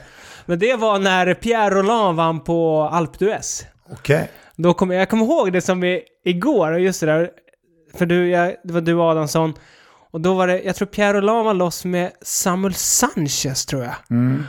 Och så, så kommer jag ihåg att du skriker Han kör ormen! Han kör ormen! För Roland liksom Ja, slingrade sig över. Och sen så släppte Samuel Sanchez där. Jag tror Contador var med och släppte Ja, också. Contador var också med där. Ja, precis. De var, de var fyra stycken. Det var en till också. Kan det vara Cadell Evans? Nå, Var han med Nej, jag tror han var med bröderna Släkt Ja, där bakom. Ja. Men Ja, jag har för mig att de var fyra stycken. eh, Ja, och sen satt. så, sen så vann han Roland på, Ja. På Alpe d'Huez. Pierre Roland. som liksom, ja. Dans, det kända dansbandet. ja, precis. Jag har också ett tydligt minne, jag får bara, från eh, just Alpe d'Huez, när eh, Lance Armstrong har eh, maskat hela dagen. Legat längst bak i, i första gruppen och sett riktigt dålig ut. Och sen till slut så går han upp, tittar Ulrich i ansiktet Ja, och attackerar, rätt i ögonen och attackerar i den brantaste delen av Alpe d'Huez. Ja, den, den har satt spår. Mm. Ja. Jag började ju kolla runt eh, millennieskiftet någonstans. Eh, och har, har hängt med ända sedan dess. Vad, vad är de största skillnaderna i, i klungan sen från då till, till nu? Om vi bortser från det uppenbara då, eh, dopingproblematiken som kanske är bättre eller inte. Ja, men alltså om man tittar tillbaka till, ja men om vi går tillbaka till 70 80-talet och sådär, så ser man ju, jag menar det, det är ju en helt annan fart idag, det är det ena, det är en helt annan bredd, det är det andra, alltså det är ju otroligt många fler, Fler som är, är väldigt, bättre, liksom. väldigt, väldigt bra. Eh, det, det är ju större klungor för det mesta. Jag menar, det är ju vissa vueltor, det var tio lag med tio man i varje, ganska länge. Eh, och eh, just de här hastigheterna är ju, jag menar på 70-80-talen när Moser och Saronni gjorde upp om spurterna liksom på girot, det var ju inte ett kravallstaket, folk stod ute i gatan liksom. Och de, de anpassade sig cyklisterna efter det. Ja. Det var ju liksom inte att, och det, ibland blev det lite trångt då, men någonstans så anpassade de sig efter det. Så det är väl en stor skillnad, men sen är ju den största skillnaden är att det är så otroligt kontrollerat idag. Och det har ju mycket att göra med att det har blivit en sån bredd då på... Alltså kontrollerat i, i åkningen. Alltså ja, i åkningen. taktiskt Rent taktiskt att man... Ja, lagen styr och ställer. Ja, precis. Det är ju svårt att gå loss, det är eller liksom att hålla en utbrytning även om det var varit extremt många utbrytningar som gått hem idag. I just den här säsongen. Ehm, på Giro tror jag var hälften, nej det var ju en, jo runt Ja. hälften av alla etapper så gick utbrytningen hem. Ehm, och sen är det ju svårt liksom Alltså de kör ju så hårt uppför. Mm. Som det vi såg på touren. Man bara, ja, attacker, attacker. Ja. Men det är ingen som orkar, det går för Nej. fort. Och då eh, kontrollerar man liksom, och det blir ju liksom lite halvtrist kan man tycka. Ja. ja, det var mer pang-pang för. Det var, det var mycket pang-pang. Ja. Och det, det var ju från ena dagen till den andra kunde det bli någon minut hit och någon minut Ja. dit. Och det, det var ju mer öppet på det sättet. Sen var det ju ofta, det är ju klart de bästa var ju bäst då också. Mm. Men det, det kunde ändå skilja rätt mycket sådär. Eh, ja, men det, det är bredden och farten tror jag. Och, och sen att man rent taktiskt kör lite annorlunda idag. Eftersom man kan kontrollera också via jag menar, det sitter en sportdirektör och gapar och skriker och, och säger att nu attackerar den där killen eller den där tjejen är trött. Och, det är ju lite tråkigt kan jag tycka. Mm. Men eh, det är ju som det är. Är det för eller mot radio? Mot. Mot? Ja, Oj. Oj, oj, oj. Ja, konservativ. ja, gammal gubbe. Ja. Men sen jag Ser tror... du inte mitt vita hår här? Ja, rynkorna börjar komma runt ögonen. Men jag tror att eh, Mattias Räck sa det när vi, jag tror vi ställde samma fråga till honom hur, hur sporterna förändras så. Och jag tror han nämnde att tidigare så var det ju att mm, liksom, de stora stjärnorna körde sig i form mycket mera tidigare. Ja, ja. Och att det liksom, då var de här lite mindre tävlingarna, de var inte alls lika prestigefulla. Men nu är ju Allt. liksom, allt är Allt. prestigefullt. Alla kommer i liksom, Toppform hela i stort tiden. sett toppform till varje tävling Ja. och liksom, ja, men du Det ska- kör UAE Tour och så alla Ja. kramas efter målgång för en Ja. etappseger. Ja. De hade inte ens åkt dit och tävlat för, för att vinna förr. Va? Jag menar, Freddy Martens, han kom ju kanske med ett antal kilos övervikt i de första tävlingarna bara för att han skulle tävla sig i form till Ja. Milano San Remo. Och det var ju liksom så det var på den tiden. Eh, Åker ner till Tour Down Under på lite semester och får lite träningsmil. Ja, nu, nu är nu är det det bara liksom- stenhårt. Ja, men det Richie går Port ju som- kommer i kanonform. Ja, precis. Så vinner väl Longa Hill alla år utom i år då. För då vann Matthew Holmes jag för. Ja, Som dök upp på Vuelta nu Ja. och var i riktigt fin form. Körde bra, jättebra. Apropå det så blir det ingen... Eh, Tour Down Under, Tour Down redan nästa Mm. Corona. det var den tävlingen Richie Port nästa år skulle få vara kapten. Ja, precis. Ja, Richie som går tillbaka till eh, Grenadiers, eller Mm. Sky hette det när han lämnade. Han var ju där som hjälpryttare åt Wiggins senast. Jädrans vad nördig den här podden Helt sjukt. Den är så cykelnördig så det är inte klokt. Det är lite grann det som är, och nu, jag tror att det här är kanske det nördigaste avsnittet vi har spelat in på väldigt länge, men det är, vi, vi bara går Ja. med det flödet. Men innan vi blickar framåt, vad, vi snackar om VM lite, vad tänker du om Julian Alaphilippe som världsmästare på här sidan? Ja, fantastiskt. Ja. Han kommer göra tröjan Ja, eh, ja. rättvisa. Och då, då var det ju någon som liksom, ja men eh, fasen, det är ju den där jädrans världsmästartröjan. Blev ju deklasserad på Liège Baston Liège Mm. direkt där. Vingel. Ja, vingelputten. Han är ju livsfarlig. Jag skulle är bli tokig på honom. Jag hade nog spöat upp honom varje tävling, men han hade varit sådär bra. Eh, och sen eh, så vann han ju Brabantserpil och då bara, ja men vad bra liksom. Eh, Nu vann han ju liksom. Mm. Då var det ingen, inget, Förbannelse. djävulska, inget djävulskap med den där Nej. Men tröjan. han, var, han började så- fira tidigt då också. Ja, och så, ja, det var ju nära. Van der Poel var förbi. Och så kraschade han ju något så fruktansvärt då. På Flandern. På Flandern runt. Det var ju Körde in i en motorcykel. rätt in i packväskan bara. Ja. Men han, det har han ju sagt efteråt, han lägger ju ingen skuld Nej. på eh, motorcykelföraren, han- utan det var ju han själv. Det är typiskt. Han, sen, då, och liksom folk bara, ah, men det är ju van der Poels fel, eller förlåt, eh, Van Aerts fel. Ja, Men vad fan, alla cyklister söker ju upp bilar, motorcyklar, Titta andra framåt, det är cyklister. mycket bättre. Ja, visst. Så han är, det, det är ju bara att man har väntat på det här faktiskt Ja. från hans sida. Han är ju lite för eh, vispig sådär. Alltså utförskörningen på eh, Milano San Remo, att han, att han höll sig på hjulen ner där var lite av ett under alltså. Ja, Men han är ju en bra ambassadör väldigt bra. för sporten Ja, liksom. Han är, det är en ju, fantastisk världsmästare. ja, han är ju så himla kul Ja. att kolla på. Han, apropå liksom det här som jag snackat om att det är kontrollerat och så. Han Ja. ju allt annat än det. Det är ju Ja. bara full gas hela tiden. Även om inte han är i form. Ja. Det såg vi ju, var det på Dauphiné tror jag, inför touren. Då, då attackerar han varenda dag för Ja. att köra sig i form. Det är liksom inte... Han gjorde en sån där klassisk eh, uppladdning. Mm, exakt, Ja. han kom dit, var inte i form, och så ville precis. köra sig i form. Ja, ja. fantastisk Men cyklist eh, alltså. som han avgjorde VM också. Det är ju all, ja, precis varenda jävel visste ju att han Ja. skulle attackera. Ja, ja, ja. Precis där. Och ändå så avgör han. Det Ja. är ju faktiskt en enorm klass alltså. Sen är det kul tycker jag också att VM avgörs att just den starkaste cyklisten bara går iväg så att det inte blir något taktiskt spel just sådär. Mm. Att han liksom, ja men jag är starkast, jag attackerar, alla vet att jag kommer attackera, men ingen kan följa med. Försök bara, Ja. försök. Ja, det var mäktigt. Ja, van den, Bro- van den Broek-style. För att vara lite, ja det ska inte. Fortsätta nörda. Nörda, nörda. Nörda mer. Eh, damsäsongen då, har vi någonting att... Ja men där har vi ju, om vi pratar om stjärnor och vi pratar om dominanta cyklister. Eh, klassen överlag tycker jag ökar i damklungan, men Absolut. samtidigt så ser vi ju, eh, de riktigt stora stjärnorna vinner ju i princip allt. Ja, vi, vi pratar om utveckling om, på herrsidan och på damsidan har ju utvecklingen varit distanserna under alla de här årtiondena som jag har levt med cykelsporten. Marianne Berglund vann ju VM 1983, då var det 60 kilometer. I år körde de en etapp på Giro som var över 170 kilometer lång, plus eh, neutrala zonen. Jag tror de var uppe i nästan 18 mil. Så det har ju varit en otrolig utveckling. Jag tycker det har tagit lite för lång tid att få till de här lite längre distanserna. Eh, För jag vet ju liksom hur Susanne Ljungskog, eh, inte i detalj, men jag Nej, vet hur mycket, hur hon mycket hon tränade. tränade, ja. Jag vet hur mycket Emma Johansson tränade och sitta och köra 9, 10, 11 mil för dem. Det är ju inga problem överhuvudtaget. Nej, nej. Och sen där har det också blivit en enorm bredd. Och det som är eh, sorgligt då, jag såg att det var någon, de hade gjort, de har ju sedan tre år tillbaka gjort undersökningar bland damcyklisterna hur det ligger till liksom med ekonomi Ja, och så just vidare. det, det där läste jag också. En Ja, det är deppigt, fjärdedel alltså. av alla de som är Ja. då kontrakterade eh, tjänar inga pengar Nej. överhuvudtaget. Eh, det, och där har ju internationella cykelförbundet mycket att jobba med. Eh, hjälpa till med att göra eh, sporten liksom lite mer intressant.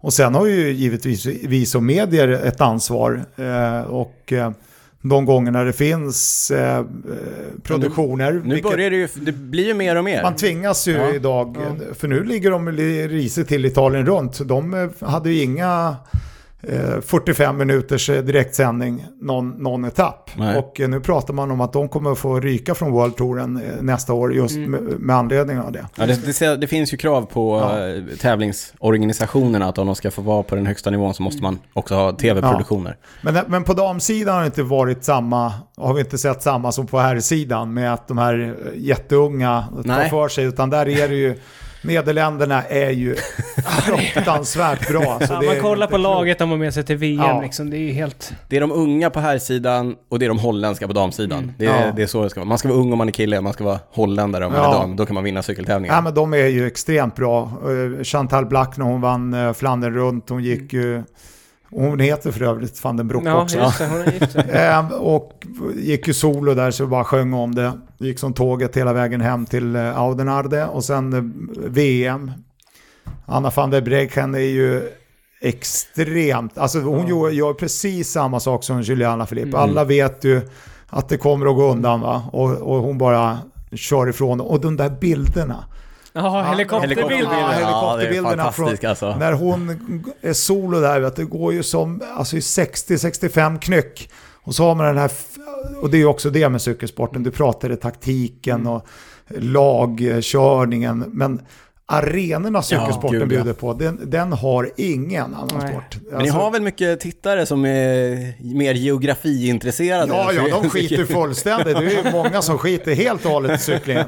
De tittar, ja en cyklist på i bild, nej, då tittar de bort. Då, då är det Ett, kaffet. ett slott, oj vad trevligt. Ja, då, Under touren, då gillar de det. Men det är faktiskt väldigt trevligt. Ja. Jag fick ett vykort igår, eh, ett tackkort av en, ett par då i, nerifrån, eh, för mig att det var i Höganäs som kom ifrån, eh, nere i Skåne som tackade för, för liksom de här 70 dagarna som de skrev. De har ju följt varenda tävling som vi har utsänt Oj, i stort ja. sett. De har suttit i karantän. Ja, bara Ja. Ja, Och bara eh, kikat och de, de nämner just det här att eh, få vara med på resan. Ja. Alltså det, det är ju väldigt vanligt förekommande. Ska jag nörda lite till? Du sa Höganäs, därifrån kommer ju, om vi pratar damcykling, eh, vem, vem är från Höganäs? Eh, eh, vänta, Jag klipper bort tystnaden här så att det inte märks hur länge du tänker. Nej, nej, ta inte bort den. Sara är därifrån. Ja, Ja, just det. Sara Mustonen. Men Yes. det, är- det är en till också. Det är en herrcyklist. Ja men det är, åh nej, nu åker jag dit. jag föll på eget Roland. Andersson, han är ju från Ja, Höganäs. han är också från. Höganäs. Ja. Sara som har lagt, eh, hängt hjulen på hyllan och Mm. inlett en ny karriär som brandman, brandsoldat. brandsoldat. Ja, Ja. häftigt. Trevligt. Ja. Höganäs har jag varit på träningsläger med spårvägen Oj. back in the days. Ja. Och det var ju på våren. Det var ju innan ungdomar och juniorer åkte iväg till Mallorca liksom, Mm. och Kanarieöarna på läger. Då, vi var ju nere i Skåne på Då var träningsläger. det Skåne, det var inte lika varenda jävla dag. Det var så kallt så att det är klokt. Jag kommer ihåg en dag la jag med ett dike med världens hammare. Bara strilar ner regn. Och jag sa jag cyklar inte meter till och sen var jag tvungen ändå att harva sista biten hem då. Och Benke Nilsson som var vår tränare sa nej du kör du hem för du får inte åka bil Vacki. Kör nu. Det är bara att köra. Du lurar bara dig själv. Och jag bara fan jävla gubbjävel. Då var han 38 och sånt där. Så, så sjukt. Så vi skrev faktiskt en låt, det kommer jag ihåg. Anders Wiberg som, var, eh, eh som jag tävlade med där, han var ju duktig musiker också. Så han, vi skrev den här eh, Sommartider och då, den gick något så här Skåne, Skåne, hej, hej, Skåne, Skåne Du gör oss besvikna med kyla och regn Åh, och sen, ja, nu kommer jag inte det mer. Ingen, det är ingen dålig sångröst du sitter på. Nej, Kan nej, nej, för alltså. fan. Ja. Ja. Skåne.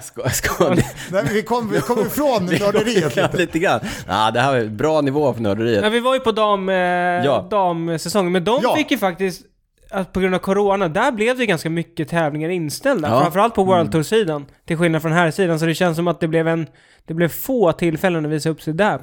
Jämfört med herrarna. Ja, men de fick ju knappt några tävlingar alls. Nej. Det var ju väldigt lite. Och eh, det är eh, trist då med Emilia Fallin. Hon, alltså, hon bryter en, ett ben i handen när hon ska ta en flaska. Ja. Det har ju ni pratat Alltså, om säkert. maximal Det är helt alltså. sjukt. Ja.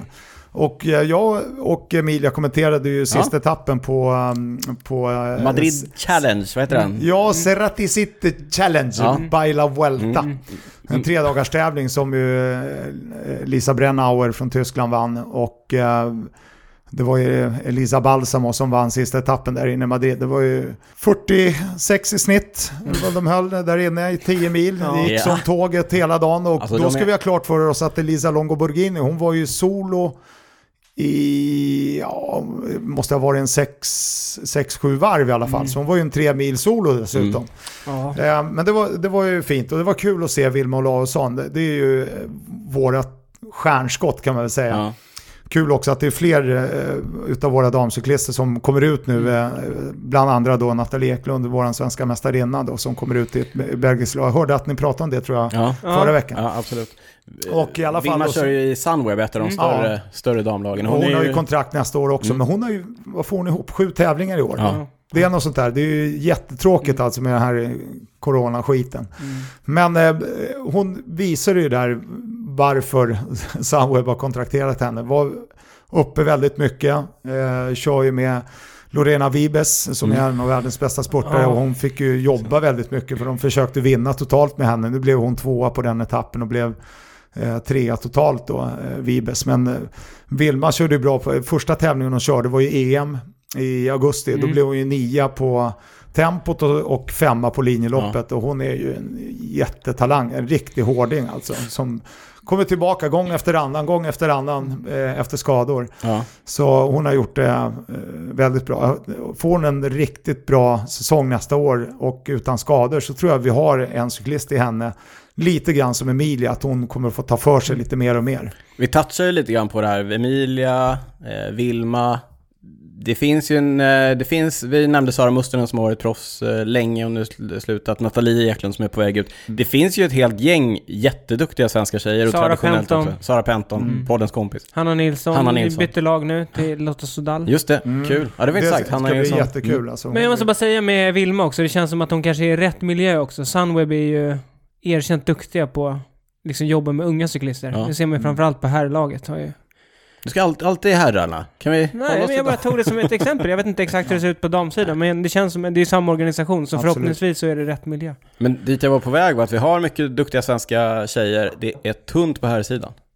Ja, det är, det är ju bara att konstatera att det är ju det. Det är ju bara Tobias Ludvigsson som eh, kör i lag som får köra Grand Tours till exempel.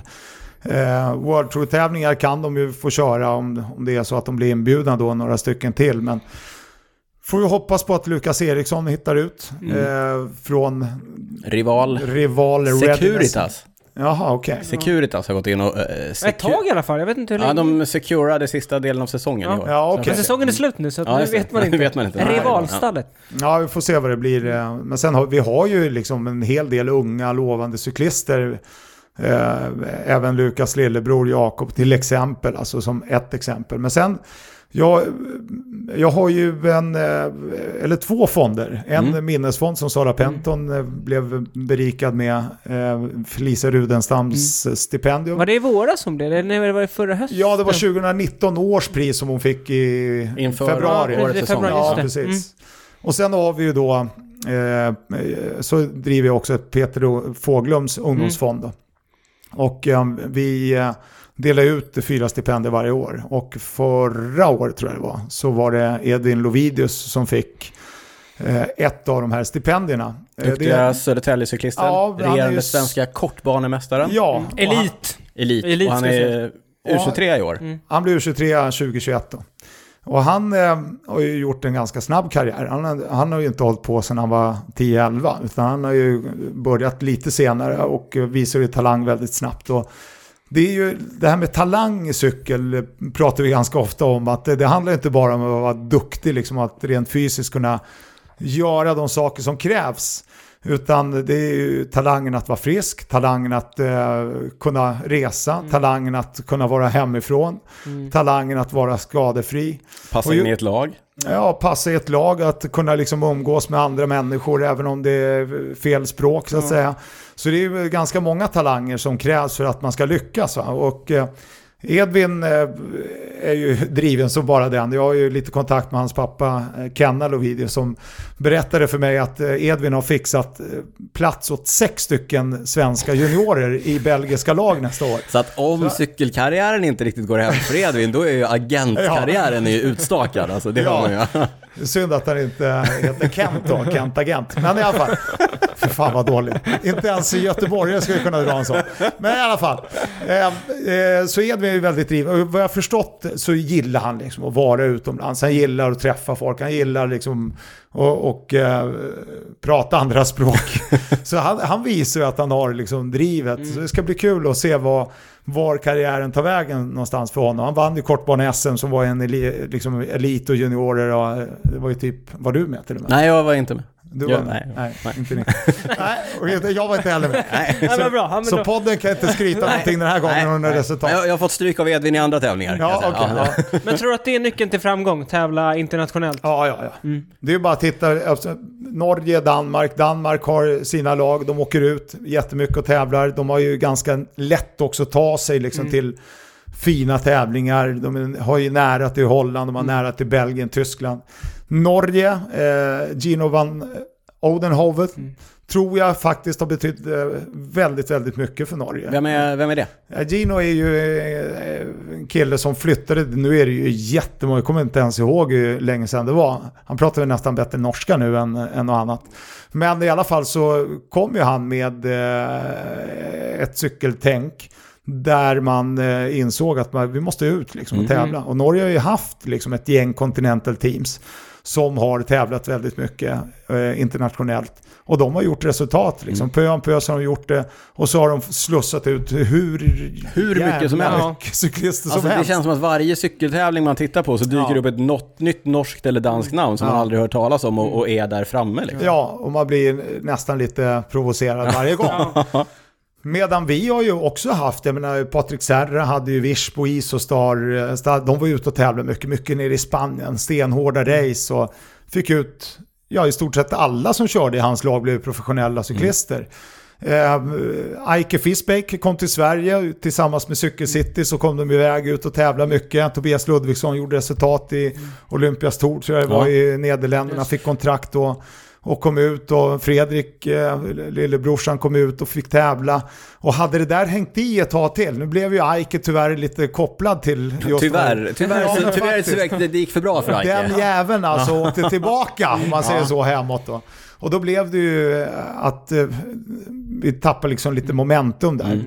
Eh, det är tufft att så komma jag ut. tror Man att det skulle ha- behöva så här 3, 4, 5 eh, Patrik Serra, Eike Fisbeck-typer i Sverige som de har i Norge.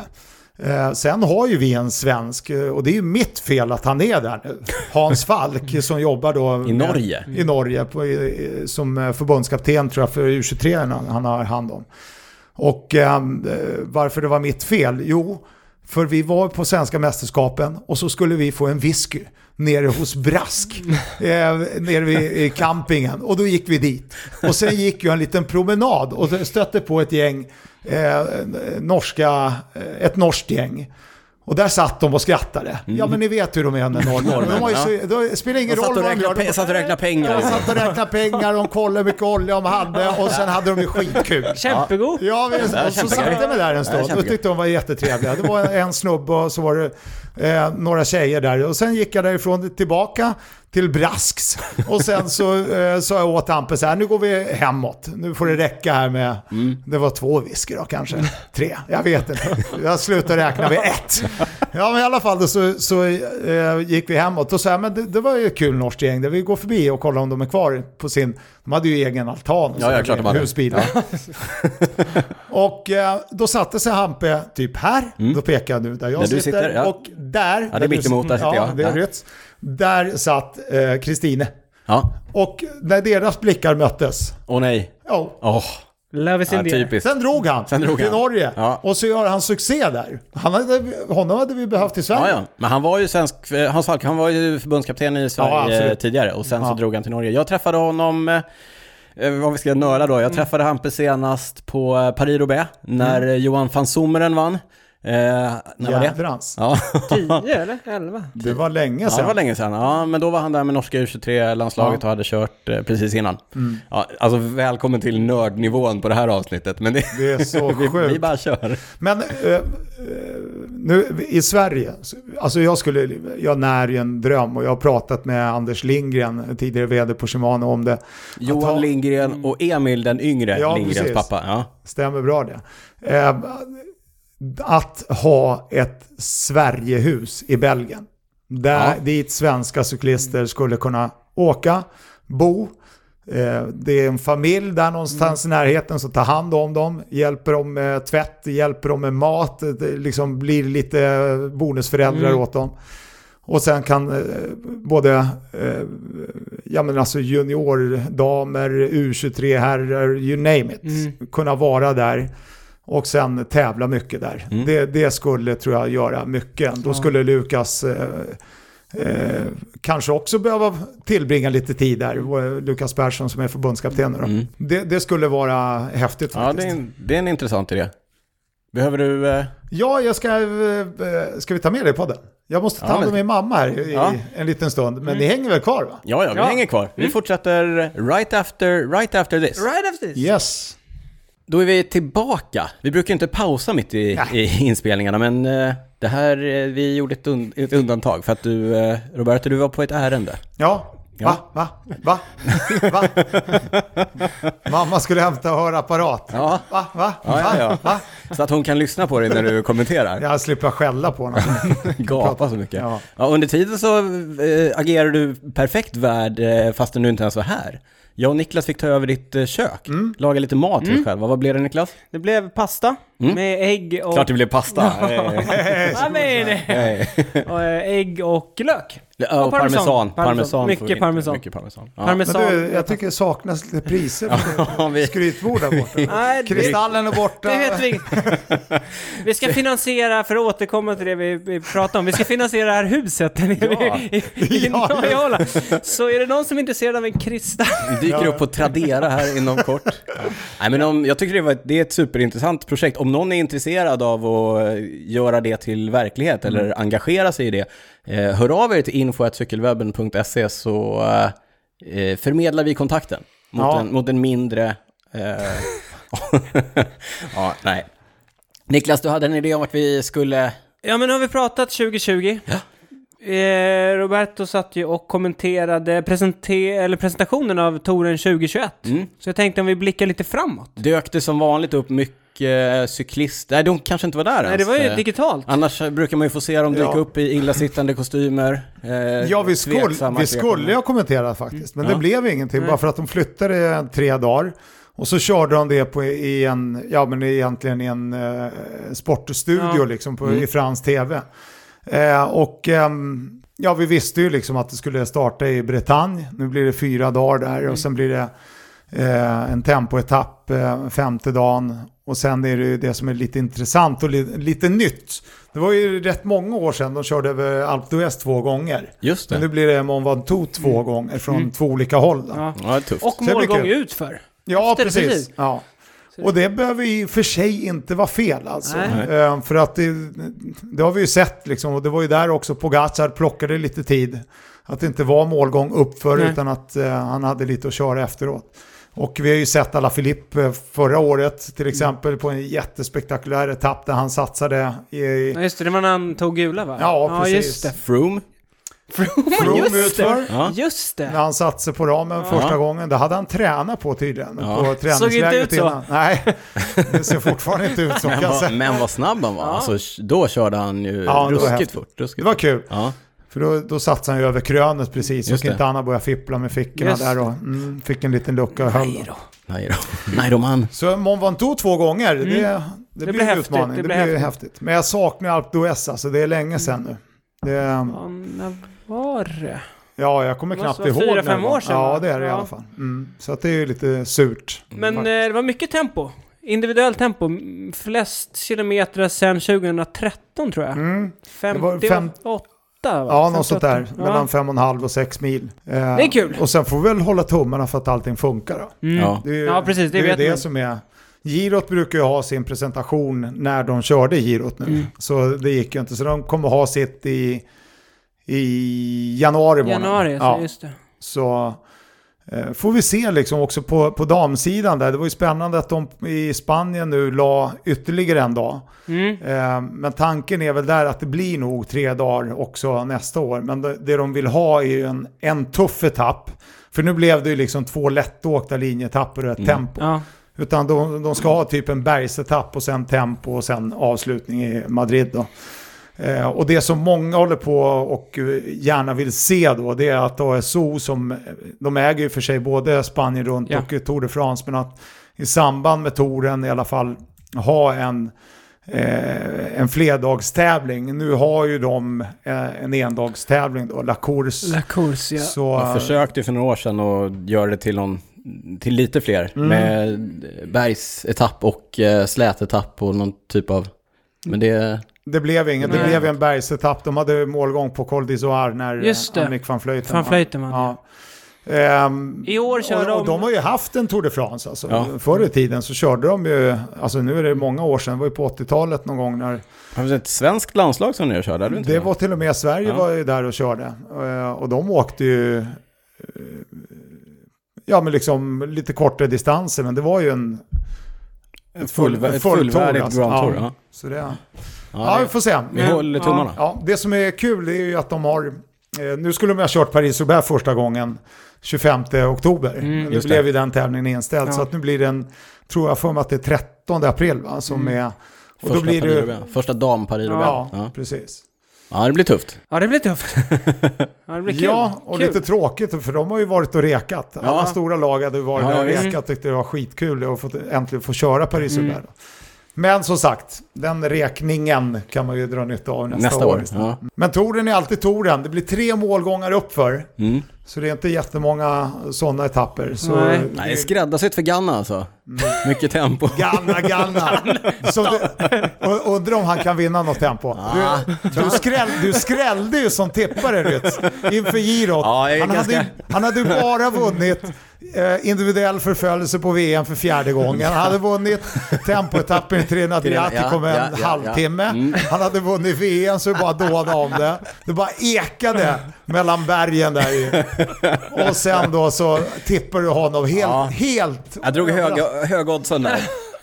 Ja, vad modigt. Stack ut hakan. Vet du vad jag, hakan. jag brukar ja. ha fel när jag tippar. Och jag är jäkligt stolt på girot i år. Ja, För jag gjorde en podd, och jag fick cred för det, podden efter sen, Ja. på Sporthuset. vad, vad tippar du? Eh, För då var det, vi gjorde den podden på tisdagen tror jag. Mm. Och det, det var ju liksom helt öppet och då låg ju Theo Gegan Hart eh, två och en halv, tre minuter efter. Men jag tippade faktiskt honom och då klippte ju fan Tommy, han klippte ju bort den delen. Så den kom inte med. Och så vann han, då skrev jag till honom så här, fasen det var ju surt att du klippte bort han den. kvar, hade han kvar, låg han Ja. kvar på klipprumsgolvet så att Han la, säga? han la, han la la in den. sen. Okej. Efter- Ja. Ja, det var snyggt. Ja, Så det var skönt. Ja, den trodde jag inte på. Nej, den var oväntad. Det Ja. var när Rowan Dennis återuppstod där och Ja, dök upp på Stelvio plötsligt. Och, Ja, det tyckte jag var, det tyckte jag, jag gillar ju Rowan Dennis. Han är ju speciell. ja, ja, väldigt ja, speciellt. speciellt, det var rätt ord. Men det här är lite grann så här om eh, hur, hur man får ut det bästa av en eh, cyklist. Han klev ju av touren dagen innan tempoetappen när han körde i Bahrain Merida, hette de väl då. För att han inte riktigt trivdes i laget. Det var ju en rätt tydlig eh, markering, protest. Och nu plötsligt hos eh, Grenadiers så, han vann ju, ja men, han vann ju tempo-VM där och sen så, han vann tempo-VM, efter- det var ju mellan kontrakten. Ja, precis. Ja. Så han körde ju Ja, på en, eh, ja, en cykel O- utan... Obrandat.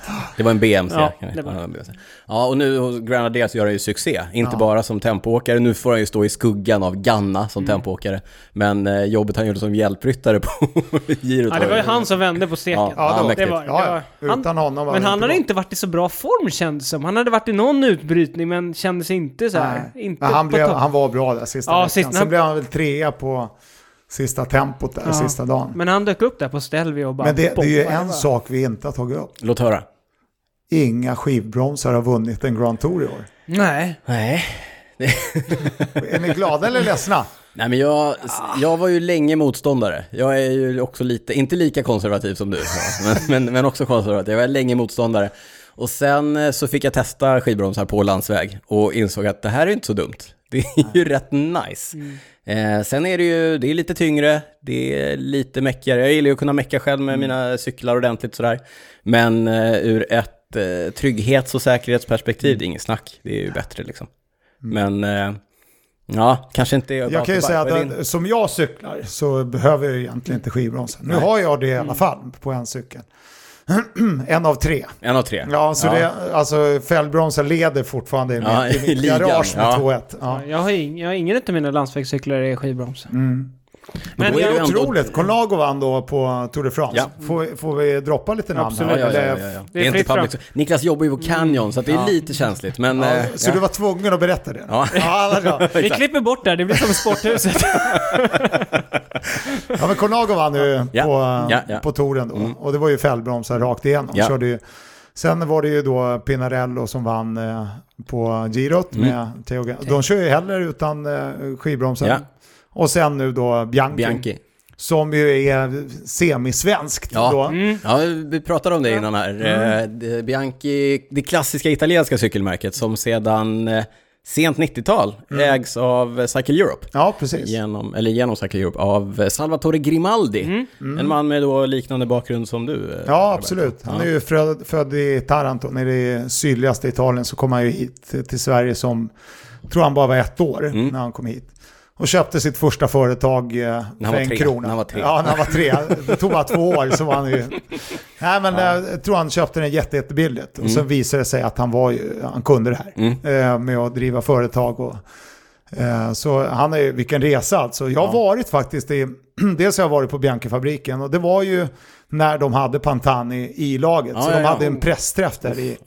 Så det var i jäkligt coolt. Treviglio utanför Ja, eh, precis. Ligger ju strax söder om eh, Bergamo då. Bergamo, just det. Tack. Och vi, vi satt eh, sex, sju journalister runt ett bord tillsammans med Pantani och snackade med honom liksom säsongen och så. coolt. Nej, men det var faktiskt jävligt roligt. Och då hade ju de tagit över. Och Tony, eh, Salvatores son, han fick ju liksom uppdraget då att vara där och se till att allting skulle börja och, och gå åt rätt håll. För Ja. det, det var ju lite risigt då.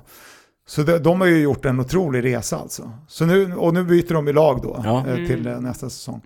Men, ehm, eh, ja, och, och sen var jag i Italien eh, med Salvatore på en, ja men det var ju en liten sån här mysresa med Ja. ett gäng då, Ja, det ja, var ja. ett 20-tal. Som, som man gör. Ja, ja. Ja, så, men det var kul. Det var, det var väldigt roligt och man märker liksom, eh, ja när man sa liksom att det här är han som äger Bianchi. Mm. Eh, vi var och tittade på eh, Riva-båtarna. Oj, ja. Det var häftigt också kan jag säga. Så vi var där eh, och vi var, fick ju ett studiebesök. Eh, och då nämnde jag då att det här är eh, Salvatore Grimaldi, han äger Bianchi. Du, du vet, ja, det, var, det var kul alltså. Ja. Det var roligt att se vilken, eh, alltså vilken renommé Bianchi har i Italien. Det, jag, först, jag visste väl det lite grann, men där fick man verkligen, Känslan för det. ja, verkligen. Häftigt. Mm. De Så det är kul, så det är lite svenskt då som Ja. har vunnit också. Eh, Det är ändå kul att det finns lite svensk inblandning i, i proffsklungan. ja, visst. förutom EF då. Förutom Som vi var EF. inne på. Ja. Men eh, Bianchi ska sponsra Mitchelton, visst var det så? Ja, precis. Och så... Mitchelton Bianchi då? Eller de heter ju Mitchelton Scott. Ja, de visste ju inte riktigt. Eh, Nej, jag frågade, jag pratade med Grimaldi för någon vecka sedan. Ja. Ehm, och då... eh, Det beror på hur mycket han skjuter till där. Så jag- Ja, jag vet inte riktigt om det är ekonomin eller om det kommer in någon annan sponsor och sådär. Men, eh, och sen går väl då Scott, eh, eh, som är märket som jag cyklar mest på. Mm. De går ju till eh, Sun... Sunweb va?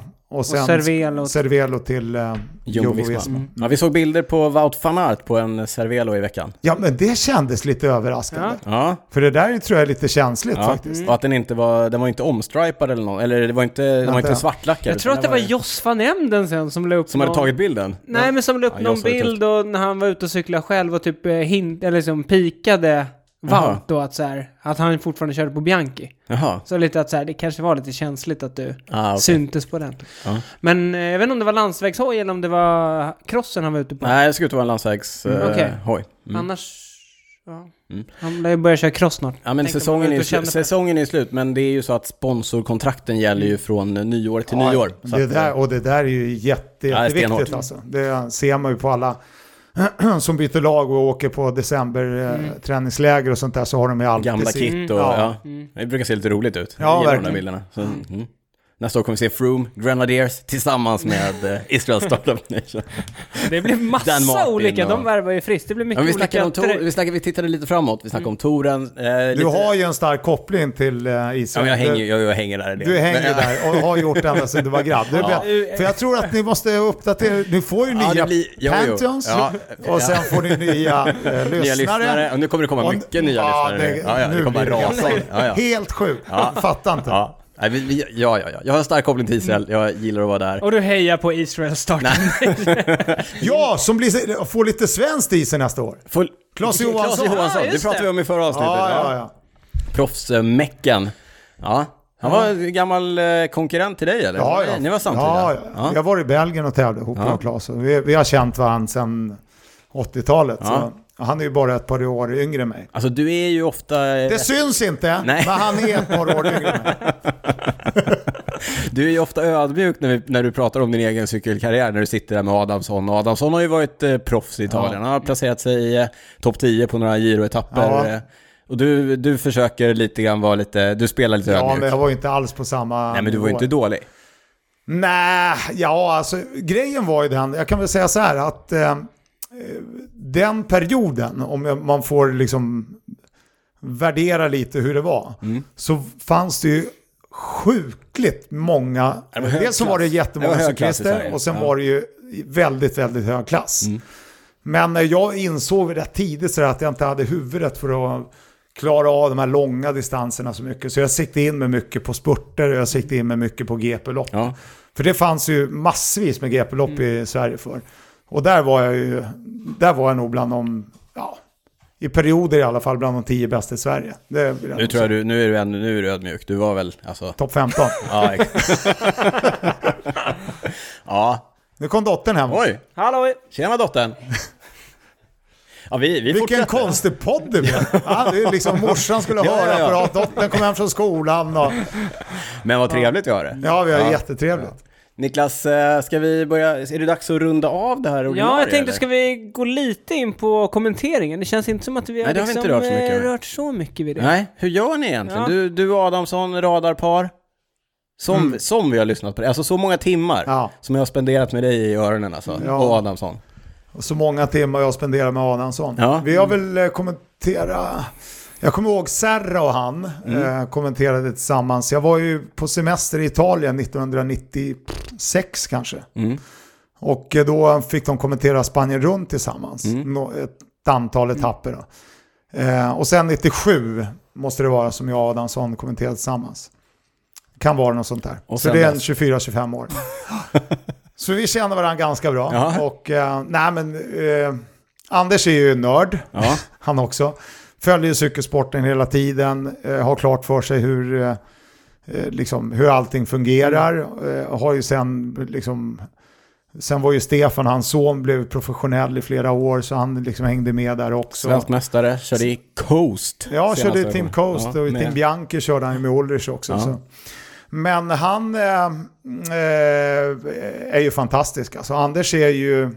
Ibland kan man ju tro att eh, han har eh, liksom ett manus där han ska liksom sticka in lite kul saker. Då, men Det bara det, kommer. det är uppstuds hela tiden. Ja. Han är helt eh, otrolig på det sättet. Alltså att hitta eh, rätt saker liksom och, och plocka upp. Speciellt de här skämtsamma grejerna så är det ju. Mm. Eh, och det, jag blir ju så överraskad ibland så att jag bara... ja, för jag, man vet ju aldrig när de kommer. Det är Ja, det, det, som är ja, så det, det, härligt mär, det honom. märks ju också och det, jag tror att det är det som gör det roligt. Och Ja. Jag vet inte om vi sa det innan, jag, du är ju en stor anledning, du och eh, Anders, eh, till att både jag och Niklas hittade till eh, landsvägscyklingen. Jag Vad kul. cyklade ju mest mountainbike tidigare och så eh, sitter man och fipplar på tvn och så dyker det upp cykel och på den tiden var man ju svältfödd på allt som hade med sina egna intressen att göra. Så då börjar man kolla på lite landsvägscykling, fastnar och du förmedlar ju den här passionen som du har, den förmedlas ju också, man blir lite sugen. Man tänker att ah, det där kanske man skulle testa på. Och så köper man en racer och eh, typ 20 år senare sitter man här som fullfjädrad nörd. Ja, ja, precis. Ja. Men sen Jo, vill, jag har hört om många faktiskt som har blivit taggade att... Eh, ja, dels de som följer cykelsporten som inte har haft en aning om att den knappt har funnits. Men också väldigt många som blir sugna på att prova. Liksom. Och, och eh, det är ju många som har fått tips på var de ska ta sin nästa semester någonstans. Och, ja, det, det är ju så...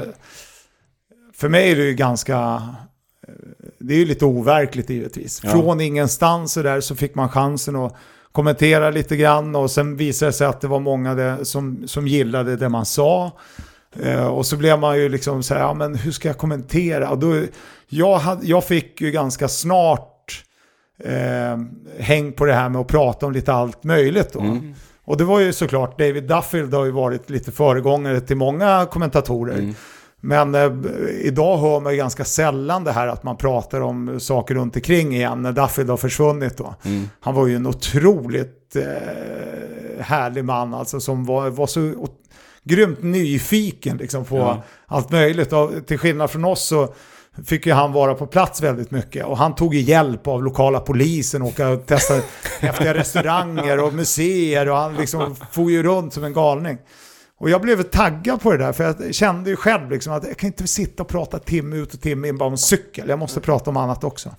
Och jag tror att det har ju så att säga intresserat många som icke-cyklister då, icke-intresserade, till att ändå följa cykelsporten de också. Då. Men det krävs ju, så vår fördelning är ju till mångt och mycket så att jag förbereder liksom mycket av det som är runt omkring. Båda är ju uppdaterade varje dag på vad som händer inom cykelsporten. Cyklingen, ja. Så den är ju... Och, jag och sen ibland då så blir ju Adamsson så här, fasen, det här.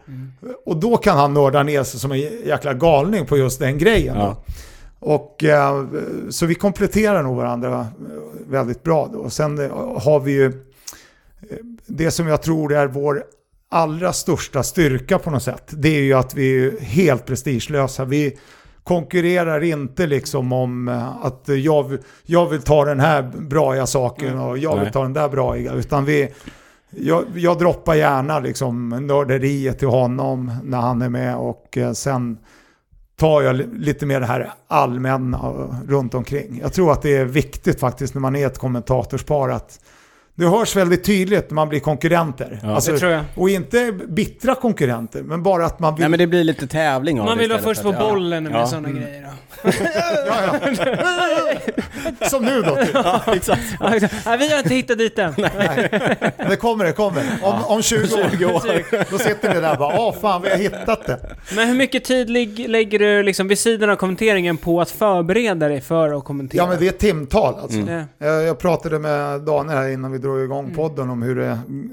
Jag kan ju bara berätta hur det såg ut, det har sett ut nu under de här, den här speciella säsongen. Men Tour de France är ju liksom, dels så har man ju koll långt innan. Man börjar ju liksom egentligen lite grann när de släpper eh, eh, sträckningen då.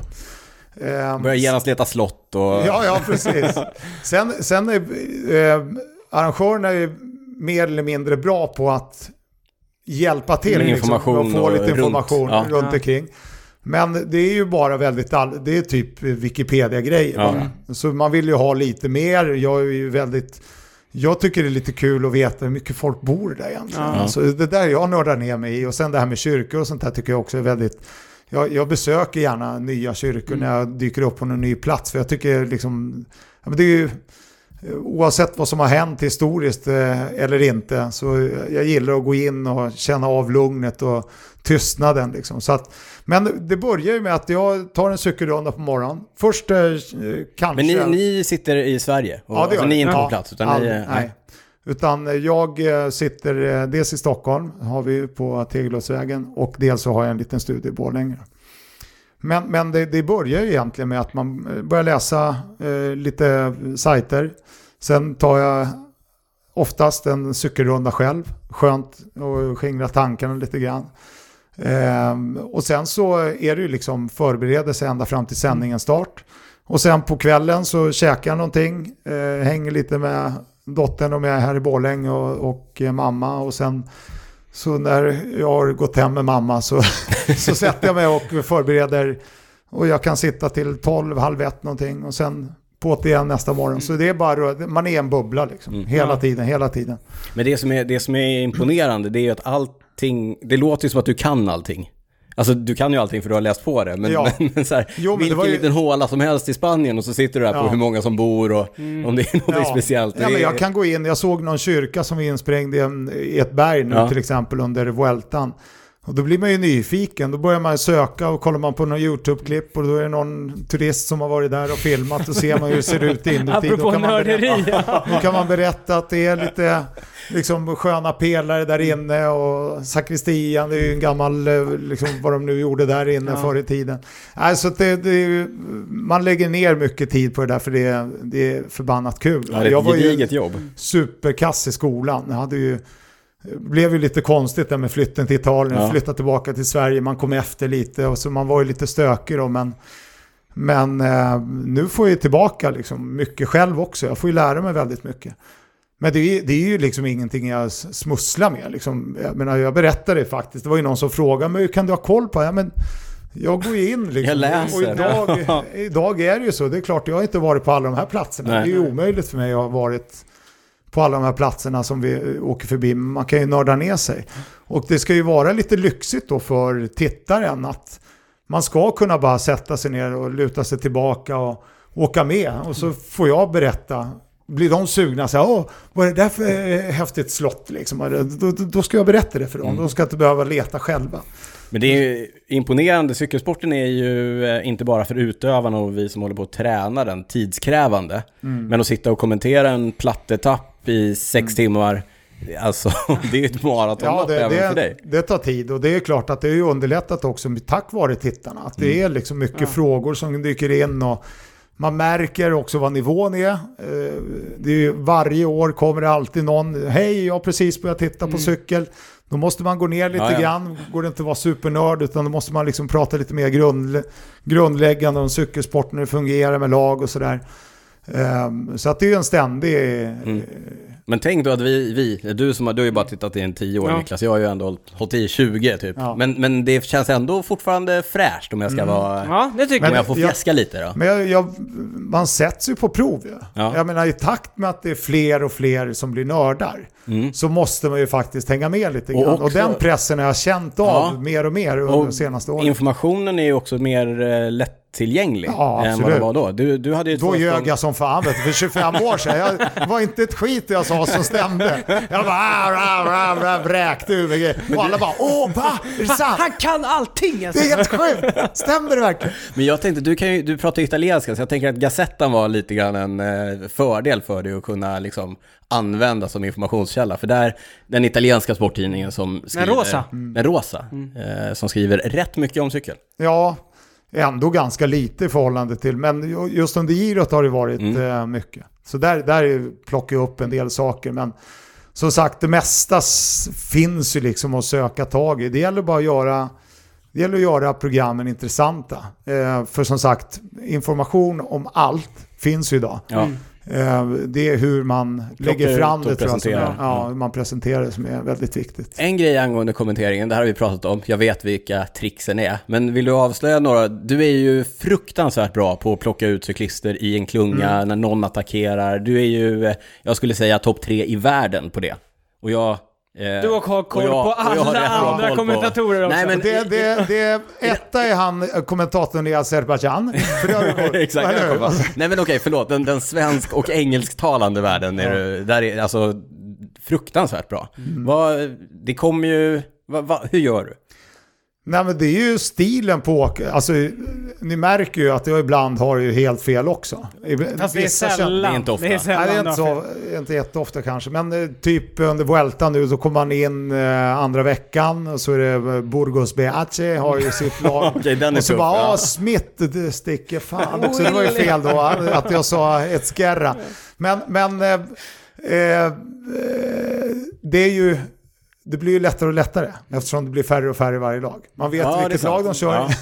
Det är en av Man- åtta. Ja, en av Ja. åtta. Det vet man ju. Ja. Eh, För lagen känner ju alla igen, nästan alla. Men...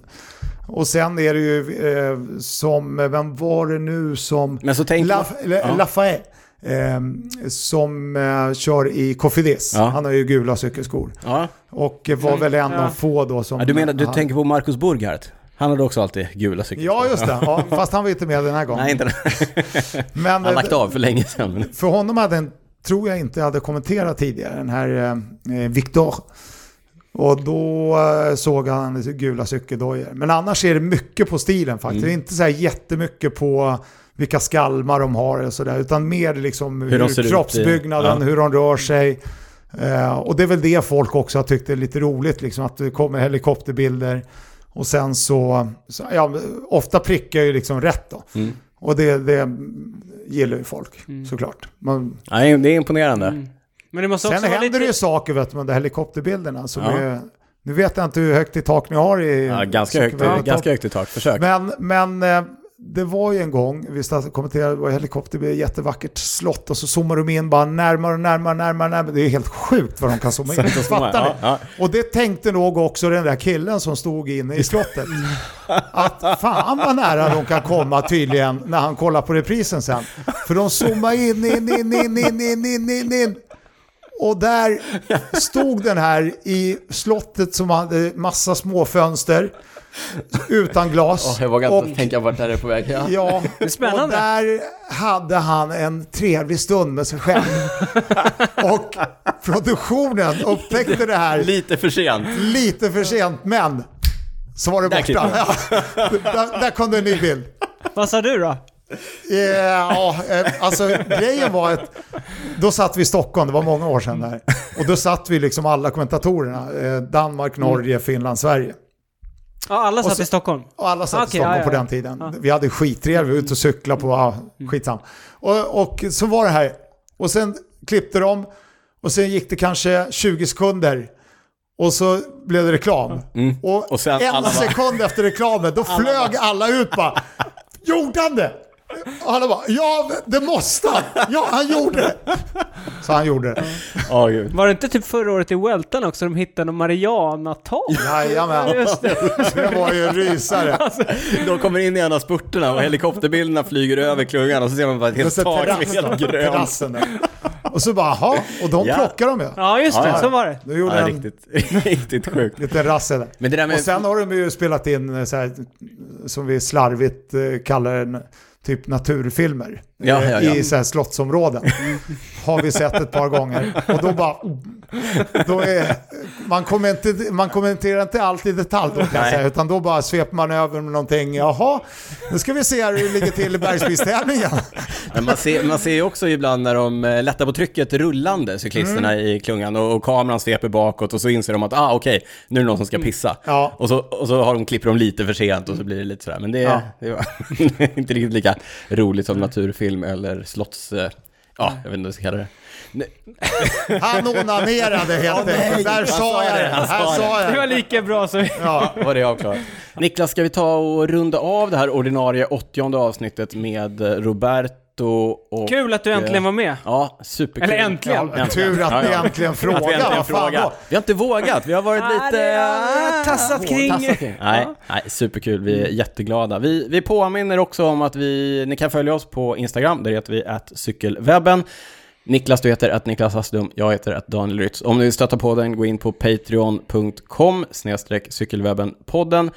Där finns också ett litet, en liten present ifrån Mårten. Tack Mårten. Och eh, vi påminner också om att vi presenterar avsnittet i samarbete med B3 Consulting. Robban, du finns på @vacki Yes. Och på Facebook, och på, då har jag sån Facebook? official. Oj, oj, oj. Oh. Roberto Aj, aj, aj, aj, official. Man Ja. har ju kommit upp sig lite. Fan, tänk om vi kunde Tydligt komma det, dit någon gång det, alltså. Tydligt det. Niklas, eh, vi brukar ju fråga varandra så här Mm. eh, när vi rundar av avsnitten. Men vi kan också säga att innan vi, eh, vi sticker härifrån så kommer vi också spela in en bonus för våra patrons med Roberto. Ja, om ni kommer härifrån någon gång. Om vi, exakt. Det verkar bli en lång... är en långdrag- långdragen historia, så att om det var ni vill- trevligt, så att det... Vill ni höra mer kul. av Roberto och oss och kanske ännu nördigare? Vi, vad har vi sagt? Vi ska köra tio snabba? Tio snabba, Tio snabba med frågor Roberto. med Roberto. Ja. Och lite annat. Eh, bli Patrons, så får ni tillgång till det bonusavsnittet. Men vi brukar ju innan vi rundar av säga och fråga varandra vad vi inte har kunnat släppa sen vi poddade sist. Ska vi börja med dig Niklas så kan, få, kan Robban få tänka lite. Vad har du inte kunnat, Jag åker alltid på först. vad har du inte Du är kunnat släppa? mest snabbtänkt. Ja, exakt. Vad har du inte kunnat släppa? Kom igen nu. Ja men då får jag nog köra den eh, etappen till d'Huez 2011 eftersom jag Oj. fortfarande exakt kommer ihåg när Roberto sa Han kör ormen! Och det sjuka är, Ja. jag tror för typ kanske fem år sedan, då googlade jag den här etappen. Ja. Eller youtubaren. Och då var det någon, och det här är riktigt sjukt, då var det någon som hade filmat liksom tvn med Mm. mobilen. På den svenska Eurosport-sändningen. Jaha, alltså inte spelat in Nej, utan, filmat, med mobilen. med mobilen Jaha, så här lite skakigt. exakt det Och där. då kan man se det. Så, så om jag hittar det, då ska jag försöka lägga upp det i inlägget nu. Men fattar du vad jobbigt det blev att filma när de körde ormen? Han bara, fan kan de inte åka rakt då? Men grejen är sen, jag har aldrig hört dig säga det där igen. Ormen. Nej, Men det där var ju jättevanligt förr. Ja. Att man körde ormen? Ja, ja. Så att vi körde så här... Eh, Alltså ormen, vi får ju förklara. Roland körde liksom från Tvärs sida till hela. sida. Ja, ja. Ormen. Ja, som en ormen. slingrande orm. exakt. Vad är det för Solklart. förklara? Ormen? Ja. Och, det, och få, liksom, eh, det var väldigt vanligt förr i tiden. Mm. Då körde man ju liksom, man ville inte att man skulle få rullen Nej. ordentligt. Mm. Så det är anledningen Ja. man körde ormen. Då. Lite som, eh, vem var det som fällde Higita? Var det Bob Jungels eller? Ja, Fast det, just var inte, det var inte, ja, det fast var ingen orm. Det var ingen orm, det var en mask. Han bara, det var ju dumt alltså. Ja, det var- bara ja, det var- Men, men eh, vi körde så här X-Pro-tävling i Motala. Mm. Och då bara, det var ju stående inslag liksom. Och köra ormen. Ja, då liksom på varv sju, man förberedde ju allting innan. Och någon trodde något annat, det var så här uppvisningstävling med gamla Ja, det är som sådana här post-tour criteriums, men det här Ja. var post, post, post. Post, post. Ja. Eh, och då var det alltid ett stående inslag, ormen. Mm. Skulle man köra ormen. Mm. Så det var, det var kul. Men det, det, att jag gapade så mycket då, Mm. det var ju att det var, hade ju nästan försvunnit. Jag har inte sett jag den. var ju lika överraskad. Var- Jag var ju lika överraskad som när jag såg att Rigoberto Urán förra året hade en banan i fickan. Ja, igen. just det. Bananen hade varit borta i tio år. Plötsligt ser jag bananen sticka ut ur fickan på Ja, men honom. det är tioårsjubileum där av, eh, av min eh, introduktion till sporten. bananen, Får jag ja. hoppas att eh, nästa år, 2021, att ormen kommer orm tillbaka. igen. Det hade Ja. varit mäktigt. Ja. Ja. Ja. Så det var, hade inte jag kunnat släppa. Ja, Ormen. Ormen, ja. Ska vi ta... Jag, jag kan inte släppa att eh, vi har kommit va- varandra så nära redan. Nej, alltså jag härligt. lämnar hela mitt hem till er Ja. på en gång. skulle du aldrig Ja, du lånade ut din bil till Ja. mig för jag skulle parkera om den, annars fick du böter. Ja. Så jag fick ta din bil och åka runt med Ja, ja, ja. morsan. Ja. Ja. Och, och eh, ni har druckit kaffe Ja, här. det är och ni har- supertrevligt. Vi har träffat dottern. Ja, dottern, precis. Ja, eller... Så- ja, mycket trevligt. Ja. Ja, Ja, det, Otroligt. det går undan här i podden. verkligen. Ja. ja. Världens snabbaste cykelpodd. Här går det Ja, undan. vi är inte så snabba. Fast nu när du är med, då, då går det undan. Daniel, vad har du i Ja, men jag får gå på samma eh, tema som du då. Ormen. En klassisk eh, Roberto Vacchi-kommentering. Du eh, fick ju nöjet, äran, eh, jag vet inte vad du skulle kalla det, att kommentera när Magnus Bäckstedt vann Paris-Roubaix 2004. Du, nu fick jag ståpäls igen. Ja, direkt liksom. Ja. Jag, jag noterar också att du har en VHS-spelare stående här. Ja, men Ja. vet ni, det är ju, det är ju Katrineholms GP 1987. Ka- Jag pratade om Katrineholms GP i förra avsnittet, för det var en av de tävlingarna som inte finns längre som jag tycker var... Då kan ni få titta Alltså, sen ja. att det var jag som vann och inte Och inte Adamsson. Adamsson. Ja, vi får, vi får se.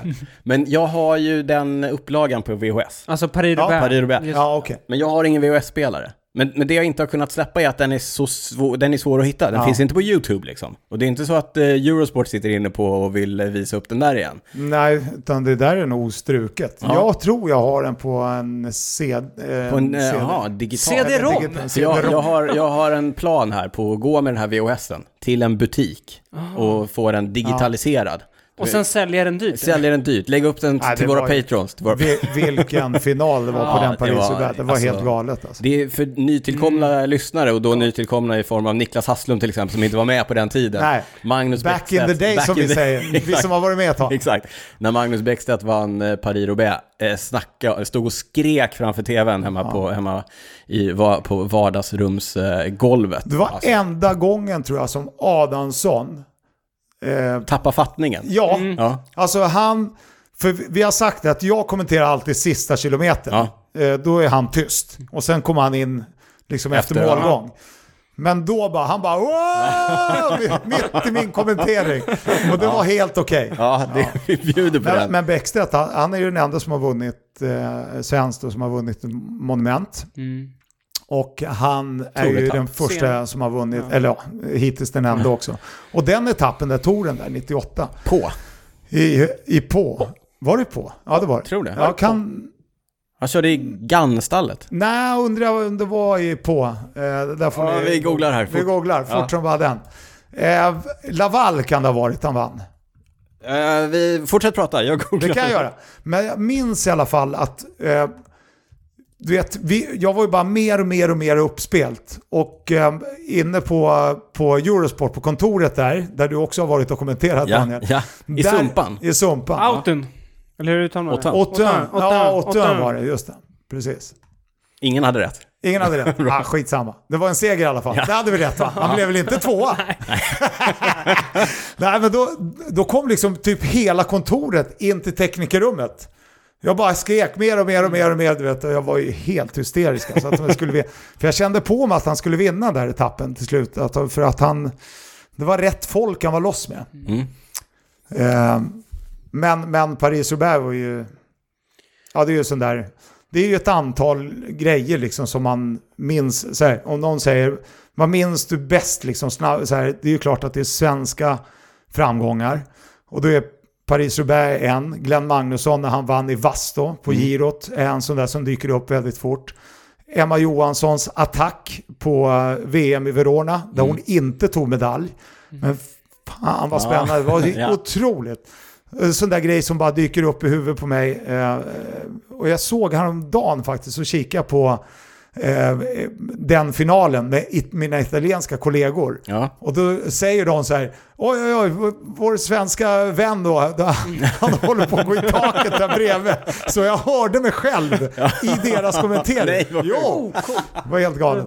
Och sen eh, eh, Susanne Ljungskog, när hon vann sina två VM. De, alltså, för det var, de var så, den ena som hon vann, den andra i Hamilton.